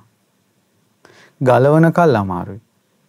ඒ වගේ මේ ශරීරෙත් රිදෙයි කියලා පාවහන් දානවා. මේ ශරීරෙට සීතල වැඩි වෙයි කියලා පොරවනවා. ඔළුවට හිස් වැසුම් දානවා. මේක රිදෙයි කියලා කවන්න ඕන, පොවන්න ඕන උලක් කනුනා වගේ. ඇතුලෙන් වේදනාව එනවා. මේ ශරීරයේ උලක් වගේ. යම් දවසක මිනිස්සයාට සැනසෙල්ලෙන්නේ මේ උල ගැලෙව්වොත් මේ ශරීරයේ කෙරෙහි තියෙන තෘෂ්ණාව නැති වුණොත්. ඊට පස්සේ අනිච්චතෝ දුක්ඛතෝ රෝගතෝ ගණ්ඩතෝ සල්ලතෝ අගතෝ අග කියන්නේ පීඩාවක්. කොයි තරම්නම් පීඩා වින්දාද මේ ඇඟ නිසා. අවුවේ කරවෙවි වැස්සට තෙමි තෙමි ගමන් බිමන් ගිහිල්ලා මහන්සි වෙලා කණ්ඩ බොණ්ඩ දීලා කණ්ඩ බොණ්ඩ දෙන්න ඕන නිසාමනේ කොච්චර පීඩාවක් විඳින්න ඕනේද? මේ ඇඟ නිසා. ගෙවල් දොරවල් හදද්දි ගන්න සියලු පීඩාව මේ ඇඟ නිසා නේද? අමුදරුවන් පෝෂණය කිරීමේ යම් වෙහෙසක් වෙනවද? ඒ ඔක්කොම මේ ඇඟ නිසා නේද? ඇඟක් කියලා එකක් නැත්තම් ඒ දුකක් නැහැ පීඩාව කියලා කට ඇරලා කියන්න පුළුවන් මේ ශරීරයට මට පීඩාවක් තියෙනවා කියලා මේ ඔළුවේ තියෙන සිතිවිලි සමුදායක් ගැන කතා කරනවට වඩා හොඳයි මේ පේන්න තියෙන ඇඟ පෙන්වන්න මෙන්න පීඩාව කියලා. එහෙනම් අපි මේ පීඩාවලට hina වෙන්නේ. පීඩාවල් පිටිපස්සේ යන්නේ පීඩාවල් කැන්දාගෙන ඉන්නේ. පීඩාවල් එක්ක පොටෝ ගන්නේ. පීඩාවෙන් hina වෙන්නේ. ශරීරයට නමක් තමයි පීඩාව. මේවා හිතට පොඩ්ඩක් හුරු කරගන්න. බය වෙන්න එපා මේ මේ සමහර හිතයි මේ හිතුවොත් දෙයනේ මොකක් වෙයිද දන්නේ නැහැ කියලා. ටිකක් හිතලා බලන්නකො මොකක් වෙයිද කියලා. හිතන්නවත් හිතෙන්නේ නැහැ මිනිස්සුන්ට. මේක ටිකක් කියාගෙන යනකොටම අද හාන්දුරු හරි නෑ වගේ. මේ මේක හරියන්නේ නැහැ වෙන එකක් කියන්න තිබ්බා. නමුත් මේ දැන් අද කාලේ දැන් ළමයි ඔක්කොම ගෙවල් වලට වුණා ටීවී බැලුවා ෆෝන් එකේ ඉන්නවා. රූප දිහා බල බලා කාමයේ දිහා බලා බලා ඇඟවල් වලට මාස කර කර ඉන්නවා. ඇඟවල් වලට මාස කර කර ඉන්නවා. සුද්දන්ගේ සුදු හමට මාස කර කර ඉන්නවා. නව දොරකින් අසූචි වැగిරෙද්දී තමන්ගෙම කිහිලි ඉකිලි තමන්ටම ගඳ ගහද්දී දත් මැන්දේ නැත්තම් තමන්ගේ කටේ ගඳ තමන්ටම එද්දී තමන්ගේ ජරාවක් තියාගෙන ඒක හිතන්නේ නැතුව සුද්දන්ගේ සුදුහම දිහා බලාගෙන කෙලහලාලා ඉන්නවා. මේ කාම තෘෂ්ණාව නැති වෙන්නේ ශරීරයේ ඇත්ත බැලුවේ නැත්තම්. රාග ගින්න නැති වෙන්නේ ශරීරයේ ඇත්ත බැලුවේ නැත්තම්. ඊට පස්සේ මේවට ආස කළා ආපහුම එයි මේ ශරීරයට. ආයෙත් අප්‍රමාණ දුක්ඛන්දරාවක් විඳින්න වෙනවා. ආයෙත් මේ ශරීරය නිසා දුක් විඳින්න වෙනවා. ඊට පස්සේ අනිච්චතෝ දුක්ඛතෝ රෝගතෝ ගණ්ඩතෝ සල්ලතෝ අගතෝ ඊළඟට ආබාධතෝ ආබාධයක් කියලා බලන්න කිව්වා. සියලුම ආබාධ හැදෙන්නේ මේ ශරීරයට. දෙතිස් කුණප කොට්ටාස කුණප කොට්ටාස 32ක් තියෙනවා මේ ශරීරයේ ස්පෙයා පාර්ට් 32ක් තියෙනවා. මේකේ ප්‍රධා ඒ හැම එකටම ආබාධයක් හැදෙනවා. මේ ශරීරයේ ආබාධයක් හැදෙන්නේ නැති අංශුවක් කියන්න බලන්න. මේ ශරීරේ සියලුම තැන්වලට ආබාධ හැදෙනවා. මේ මුළු ශරීරේම ආබාධයක්. ආබාධතෝ පරතෝ පරතෝ කියන්නේ මේක අනුන්ට අයිති දෙයක්. ඇයි මේ ශරීරයේ අයිති පොළොවට මේක පස් ටිකක් වෙලා යනවා කවදා හරි. පුච්චව්වත් අලු ටිකක් හම්බෙන අලු ටික පොළොවට වැටෙනවනේ. අලු අලු ටික පොළොවට වැටෙනවා. පුච්චව්වත් මේ ශරීරයේ තියෙන ජලයේ වාෂ්ප වෙලා යනවනේ. ඒක ආයෙත් වතුරට එකතු වෙනවනේ. පුච්චව්වත් මේ ශරීරයේ උණුහුම උණුහුමත් එක්ක එකතු වෙනවනේ. වායුව වායුවත් එක්ක එකතු වෙනවනේ. සතර මහා ධාතු සතර මහා ධාතුත් එක්ක එකතු වෙනවා. අපි අයිති නෑ අපි අයිති මහා පොළොවට. අපි පොළොව අයිති කරගන්න හදනවා. නමුත් හරි පුච්චාවේ නැතුන් සෝනට දැම්මොත් එහෙම පොළොව ASCII අඩි 6ක් ඇතුලේ වලේ දැම්මත් පණුව ටික කනවා. එහෙනම් මේකට අයිතිකාරයෝ ටිකක් වෙනම ඉන්නවා. කැනහිල්ලු හිවල්ලු ඊළඟට නරි උකුස්සෝ ගිජු ලිහිනියෝ පණුව මේකට අයිතිවාසිකම් කියන්න ඉන්නවා. අපිට අයිති නෑ. ඉතින් මේකට අයිතිකාරයෙක් ඉන්නවා නම් කොරෝනා හැදෙන්න කලින් අපෙන් අහන්න එපා අපි හැදෙන්නද කියලා. එයා ඇවිල්ලා මේකේ හැදෙනවා. ඇයි අයිතිකාරයෙක් නෑ? කොන් දෙකක්ම ධනිස් කැක්කම හැදෙනවා අපෙන් ඇහුවේ නෑ හැදෙන්නද කියලා. ඇයි අයිතිකාරයෙක් නෑ. පිළිකාවක් හැදෙනවා ඇතුලේ අපෙන් ඇහුවේ නෑ හැදෙන්නද කියලා. ඇයි අයිතිකාරයෙක් නෑ. අයිතිකාරයෙක් ඉන්නවා නම් අහලානේ කරන්නේ. අයිතිකාරයෙක් නෑ. පරතෝ ඉස්සර මිනිස්සු කිව්වේ පරයා කියලා. මේ ශරීරයටමයි නම. අනිත් අයට අයිති කෙනා. පරතෝ පලෝකතෝ පලෝකතෝ කියන්නේ සිඳී විඳී යනවා. මේ ශරීරයේ සෑම අංශුවක්ම චප්ප කරන්න පුළුවන්. කුඩු කරන්න පුළුවන්. මේ ශරීරයේ චූටි තැනක්වත් තියෙනවද කියලා බලන්න කුඩු කරන්න බැරි, තලන්න බැරි, චප්ප වෙන්නේ නැති. සිඳෙන්නේ බිඳෙන්නේ වෙනසෙන්නේ නැති. මේ ශරීරයේ කුඩුපට්ටම් කරලා දාන්න පුළුවන් ඇහැට පේන්නේ නැති කොරෝනා වෛරසයට මේ ශරීරයේ සුණු විසුණු කරලා දාන්න පුළුවන් මදුරුවාගේ තුඩට. මේ ශරීරයේ සුණු විසුණු කරලා දාන්න පුළුවන් සර්පයාගේ දත් දෙකට. මේ ශරීරයේ සුණු විසුණු කරලා දාන්න පුළුවන් පුංචි දෙයකින් ආයුධයකින් මේක සිඳින්න පුළුවන් වසවිසකින් මේකේ රසායනික සංයුතිය වෙනස් කරලා විනාශ කරන්න පුළුවන්. තවත් කෙනෙකුට පොල්ලකින් ගහන්න පුළුවන්. හෙලකින් පල්ලකින් තල්ලු කරපුම කුඩු පට්ටන් වෙනවා. වතුරේ ගහගෙන යනවා. ගිලෙනවා. සත්තු කනවා. මේ ඔක්කොම ඇඟටනේ තියෙන්නේ. සිඳී විඳී වෙනසී යනවා. පලෝකතෝ කියලා කියනවා. අනිච්චතෝ දුක්ඛතෝ රෝගතෝ ගණ්ඩතෝ සල්ලතෝ අගතෝ ආබාධතෝ පරතෝ පලෝකතෝ ඊළඟට මේ ශරීරයේ දිහා බලන්න කිව්වා බුදුරජාණන් වහන්සේ ශුන්්‍යතෝ හිස් දෙයක් විදිහට බලන්න මේ කෙස් ටික මමද මගේද මගේ ආත්මයේද කියලා. දැන් මේ ශරීරයේ කෙස් ටිකක් කපලා ඉස්සරහින් තියලා බැලුවොත් එහෙම මේ කෙස් මේ කෙස්ද බලන්න තමන්ගේ නම බල්ලා මේ මේ ආද කියලා. නෑ.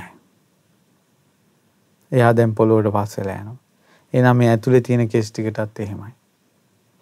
මේ විදිහට ශරීරයේ තියෙන කේසා ලෝමා නඛා දන්තා තචෝ මංසන් නහරු මේ හැම කෑල්ලක්ම එළියට අරන් බලන්න තමන්ගේද කියලා. කෑලි 32ම තියලා බලන්න මේ හැම කිසිම තැනක මම කියලා එක්කෙනෙක් ඉන්නවද කියලා. මේ බෙදලා බලනකොට මම කියලා එකක් නැහැ. මේ කෑලි ටික ඔක්කොම එකතු කරපු තැන එයා කියනවා මමලු. දැන් බිම ලොංගස් වැටිලා තියෙනවා. ඒ ලොංගස් වල තියෙනවද මෙයා ස්ත්‍රියක්ද පිරිමියෙක්ද එයාගේ නම තියෙනවද? ඒ වැටිච්ච එකක්වත් කවුරු හරි කියනවද මේ මම මගේ මගේ ආත්මය කියලා? මේක මේ හැමේ ඇලිලා තියෙද්දින් තමයි මෙයා මේ කීතුවේ. නියපොතු තියෙනවා කපලා දානවා වැටිච්ච ටික මම මගේ කියලා අල්ල ගන්නවද එහෙනම් එහෙනම් ඇයි මේ ඇතුලේ තියෙන ටික අල්ලගන්නේ? මේ ශරීරයේ පඨවි ආපෝ තේජෝ ආයෝ කියලා ගත්තත් කුණප කොටාස 32ක් විදිහට ගත්තත් මම මගේ මගේ ආත්මය කියන දේන් හිස් අපිට ඕන විදිහට මේ කය තපවත්තන්න බෑ. ආන් ඒ කාරණෙන් මේ ශරීරයට කියනවා ශුන්්‍යතෝ කියලා හිස් කියලා. ඊට පස්සේ පින්වතුනි අනිච්චතෝ දුක්ඛතෝ රෝගතෝ ගණ්ඩතෝ සල්ලතෝ අගතෝ ආබාධතෝ පරතෝ පලෝකතෝ ශුන්්‍යතෝ ඊළඟට අනත්තතෝ අනාත්ම දෙයක් විදිහට. මම නෙවෙයි මගේ නොවේ මගේ ආත්මය නොවේ කියලා මේ ශරීරය දිහා බලනවා ජීවිතේට එක දවසක්වත් මේවා කරලා බලන්න වෙනවත්නේ මේ කිසිම දෙයක් මම නෙවෙයි මගේ නෙවෙයි මගේ ආත්මය නෙවෙයි කියලා. පින්වතුනි ලෙඩක් ඇදුනට මේ පස්සේ මේ ශාරීරියේ වණයක් වගේ. කොහෙන් අත තිබ්බත් රිදෙනවා. කණ්ඩත් බෑ බොණ්ඩත් බෑ ඇඳුම් කනවා. කොච්චර දුකද්ද පින්වත්නි මේ ශරීරය. නව දොරකින් අසූචි වැగిරෙන ගන්ධ සාරි තියෙන ශරීරයක් අපි පරිභෝග කරන්නේ. මෙහෙම ශරීරයක් අපිට ලැබුණානේ. දෙතිස් මහා පුරුෂ ලක්ෂණයන්ගෙන් හෙබි සඳුන් සුවඳ හමන සපු මල් සුවඳ විහිදී යන බුදුරජාණන් වහන්සේ වදාලා කින්තේ වක්කලී මිනා පූතිකායන දිත්තේන වක්කලී ඇයි මේ කුණුවේ නැගත් දිහා බලා ඉන්නේ ඒ නිසා යම් දවසක අනුන්ගේ අසුචි නෙවෙයි තමන්ගේ ජරාව දිහා හිතෙන් බැලුවොත් තමන්ගේ ශරීරේ එදාට මේ රාග ගින්න නෙවෙනවා එදාට මේ රාග ගින්න නිවෙනවා. තමනුත් මෙහෙම ජරාවට පත්වී ගඳ ගගහ ඉන්න ශරීරය දැන් බලන්න පින්වතුනි ප්‍රනීතව සුවඳට හම හදන කෑමක් කෑමේතේ සුවඳ හම හමාතියද්දින් කණ්ඩ ගත්තට පස්සේ අනනකොටම ජරා වෙනවා. ඊට පස්සේ ඒව කනකොට මෙහින් හොටු එනවා. මෙහින් දාඩිය දානවා. දාඩිය දදා හොටු පෙර පෙරානේ මිනිස්සු කන්නේ.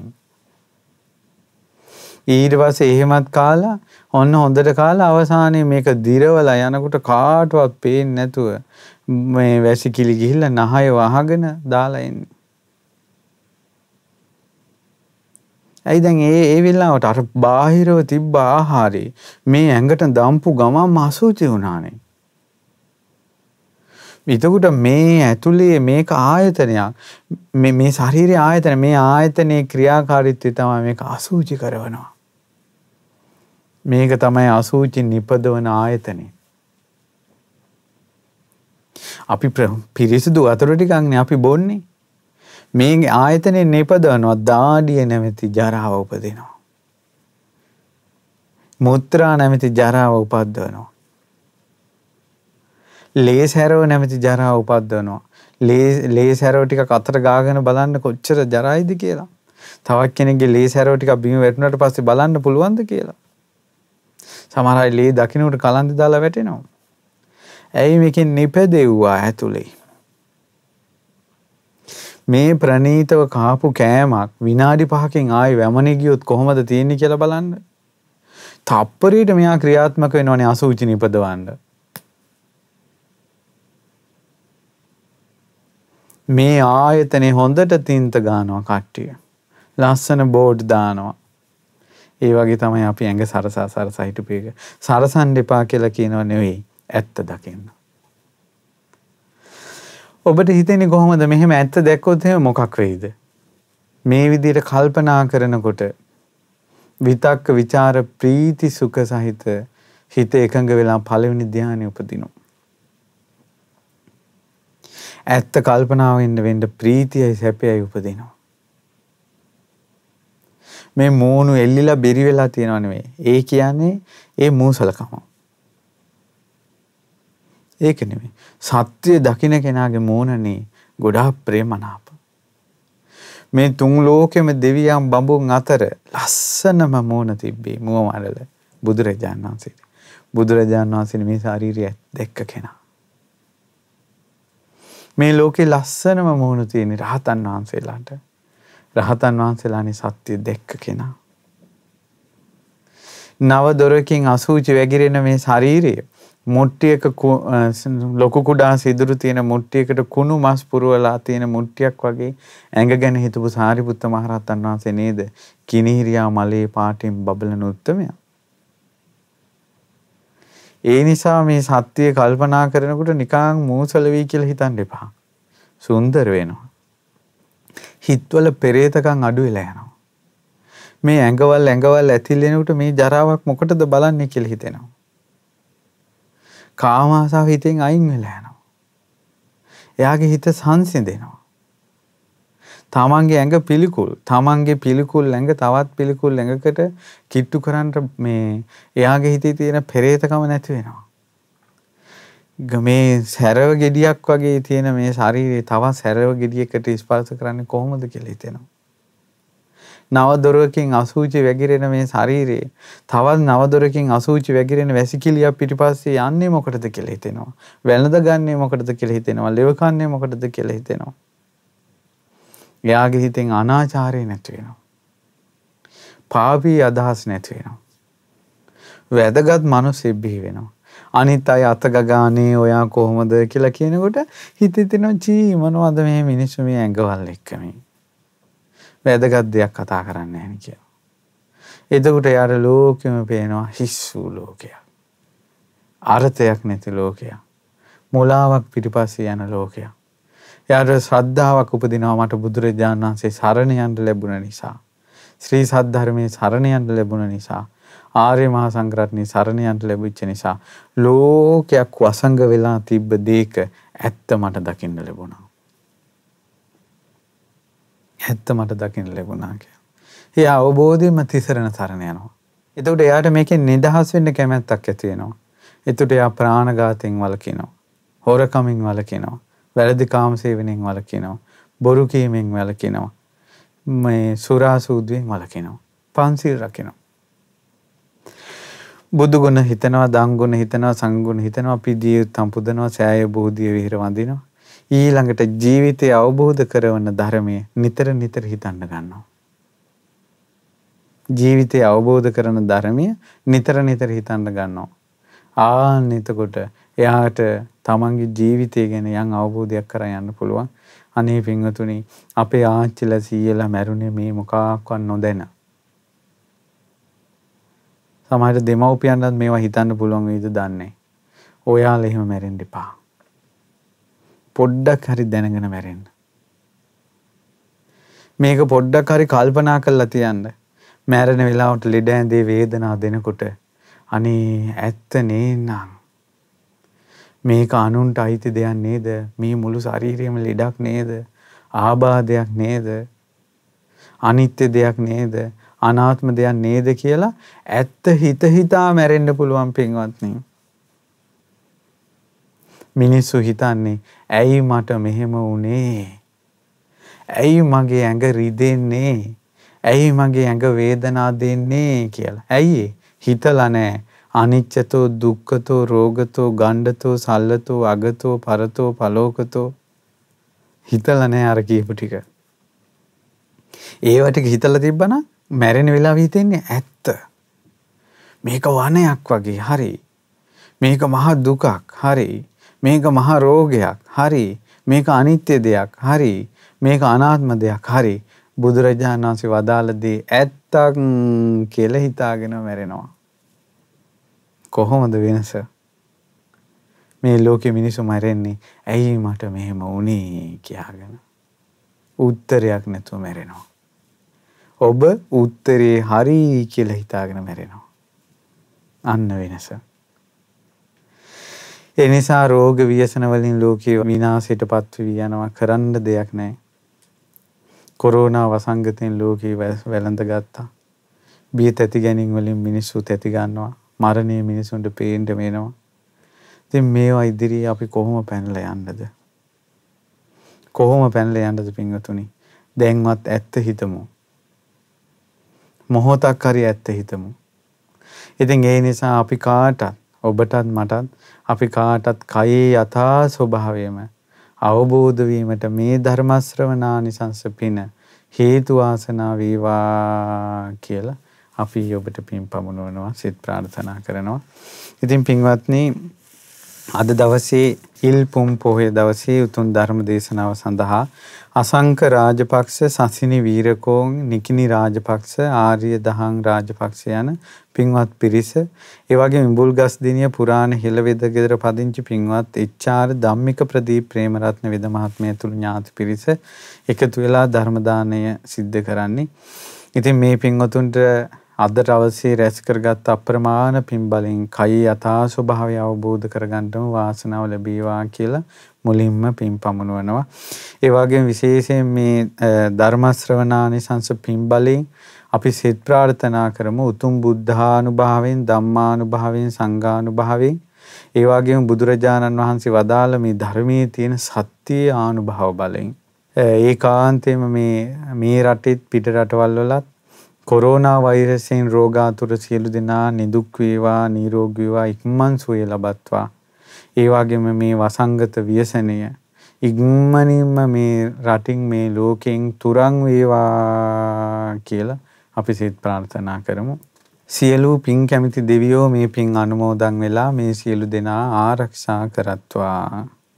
ඒ වගේම මීට මාස 3කට පෙර මිය ගිය අගෝස්තු 24 වෙනිදා මිය පරලෝකීය KN නාමවති අත්තම්මාට මේ පින් අනුමෝදන් වේවා අනුමෝදන් වේවා පරලෝක සැපේ වේවා.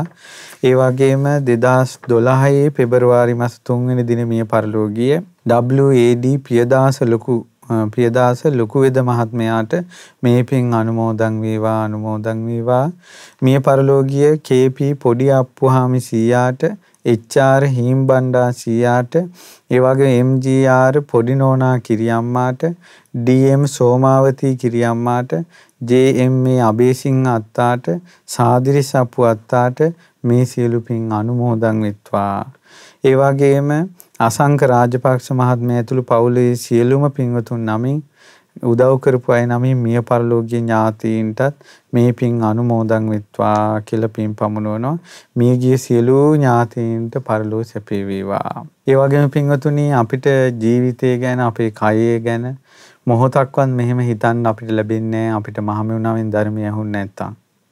අපේ පින්වත් ලොකු ස්වාමීන් වහන්සේ පරම පිවිතුරු මේ උතුම් ශ්‍රී සද්ධර්මය අපිට විවර කළා. ඒ නිසා හිස් අතින් මැරෙන්නේ නැතුව අසත්‍ය ගොඩේ මැරෙන්නේ නැතුව අඳුරෙන් මුලා වෙලා මැරෙන්නේ නැතුව ජීවිතය ගැන මොහොතක් හරි අපිට හිතන්න අවස්ථාව පාදලා දුන්නා මේ ධර්මයේ නිසා අපේ ලොකු ස්වාමීන් වහන්සේ. ඒ නිසා පරම පූජනීය ගුරු දේවෝත්තම පින්වත් ලොකු ස්වාමීන් වහන්සේ නිදුක් වේවා නිරෝගී වේවා සුවපත් වේවා දීර්ඝායුෂම ලබත්වා පින්වත් ලොකු ස්වාමීන් වහන්සේ ඇතුළු ගරුතර මහා සංඝරත්නයටත් ඒ වගේම අනගාരികා මෑණිවරුන්ටත් පැවිදි අපේක්ෂක දරුවන්ටත් කයේ යථා ස්වභාවයම අවබෝධ කරගන්නට මේ පින් හේතු වාසනාම වේවා. ඒ වගේම ඒ දායකත්වයේ දරුව ඒ පින්වතුන් සියලු දෙනාටත් ඒ වගේම අසංක රාජපක්ෂ මහත්මයා නමින් සුජීවත්ව සිටින දෙමව්පියන්ට බිරිඳට දූ දරුවන්ට සහෝදර සහෝදරියන්ට කලන මිත්‍රයන් ඇතුළු සියලුම දෙනාට නිදුක් නිරෝගී සුවත් ධර්මාබෝධයටත් මේ පින් හේතු ආසනාම වේවා. 2020 සැප්තැම්බර් මාස 24 වෙනි දින ජන්මදිනය සමරන ධනුද්‍රී අමාශ් අමාශාක්‍යා දියණියට සහ ධනේසා ජයකොඩි බිරිඳට නිදුක් නිරෝගී සුවපත් භාවයත් ශාසනයේ පිහිටත් සැලසේවා කියලා පින් පමුණවනවා. සුජීවත්ව සිටින එච්.ආර්. ප්‍රේමරත්න පියාණන්ට K Kanthi Ranasinghe මෑණියන්ට J M A U. Padma Kumara පියාණන්ට Chandra Kumari මෑණියන් ඇතුළු පවුලේ සියලු දෙනාටත් ඉඹුල්ගස් දෙනිය පුරාණ හෙළවෙද ගෙදරේ ප්‍රතිකාර ලබා ගන්නා සහ ලබාගත් සියලුම රෝගීන්ටත් සියලු යහපත නිදුක් නිරෝගී සුවපත් භාවයේම සැලසේවා කියලා පින් පමුණවනවා. ඉතින් ඒ සියලු දෙනාටත් අද ධර්ම ශ්‍රවණය කර ඔබ සියලු දෙනාටත් අපි හැදු වැඩු දෙමව්පියන්ටත් අකුරු කරු ගුරුවරුන්ටත් ඥාතීන්ටත් සියලු දෙනාට පින් සිදු වේවා. ශ්‍රද්ධා රූපවාහිනී ලක්විරු ගුවන් විදුලියේ කාර්ය මල්ලේ සියලු දෙනාට පින් සිදු වේවා. ඒ වගේම අද වාගේ දවසක පිරිනිවන් පාවා දාල සාරිපුත්ත මහරහතන් වහන්සේ යන්සේ කය ගැන අවබෝධ කළසේක්ද අපිටත් ඒ කයේ යථා ස්වභාවය අවබෝධ කරගන්නම මේ පින් හේතු වාසනාම වේවා. තෙරුවන් සරණයි. නමෝ බුද්ධාය. මෙවැනි වටිනා ධර්මදේශනා නැරමීමට ශ්‍රතා YouTube චනලේ සබස්ක්‍රයිබ් කර සීනුව ලකුණු ඔබන්න.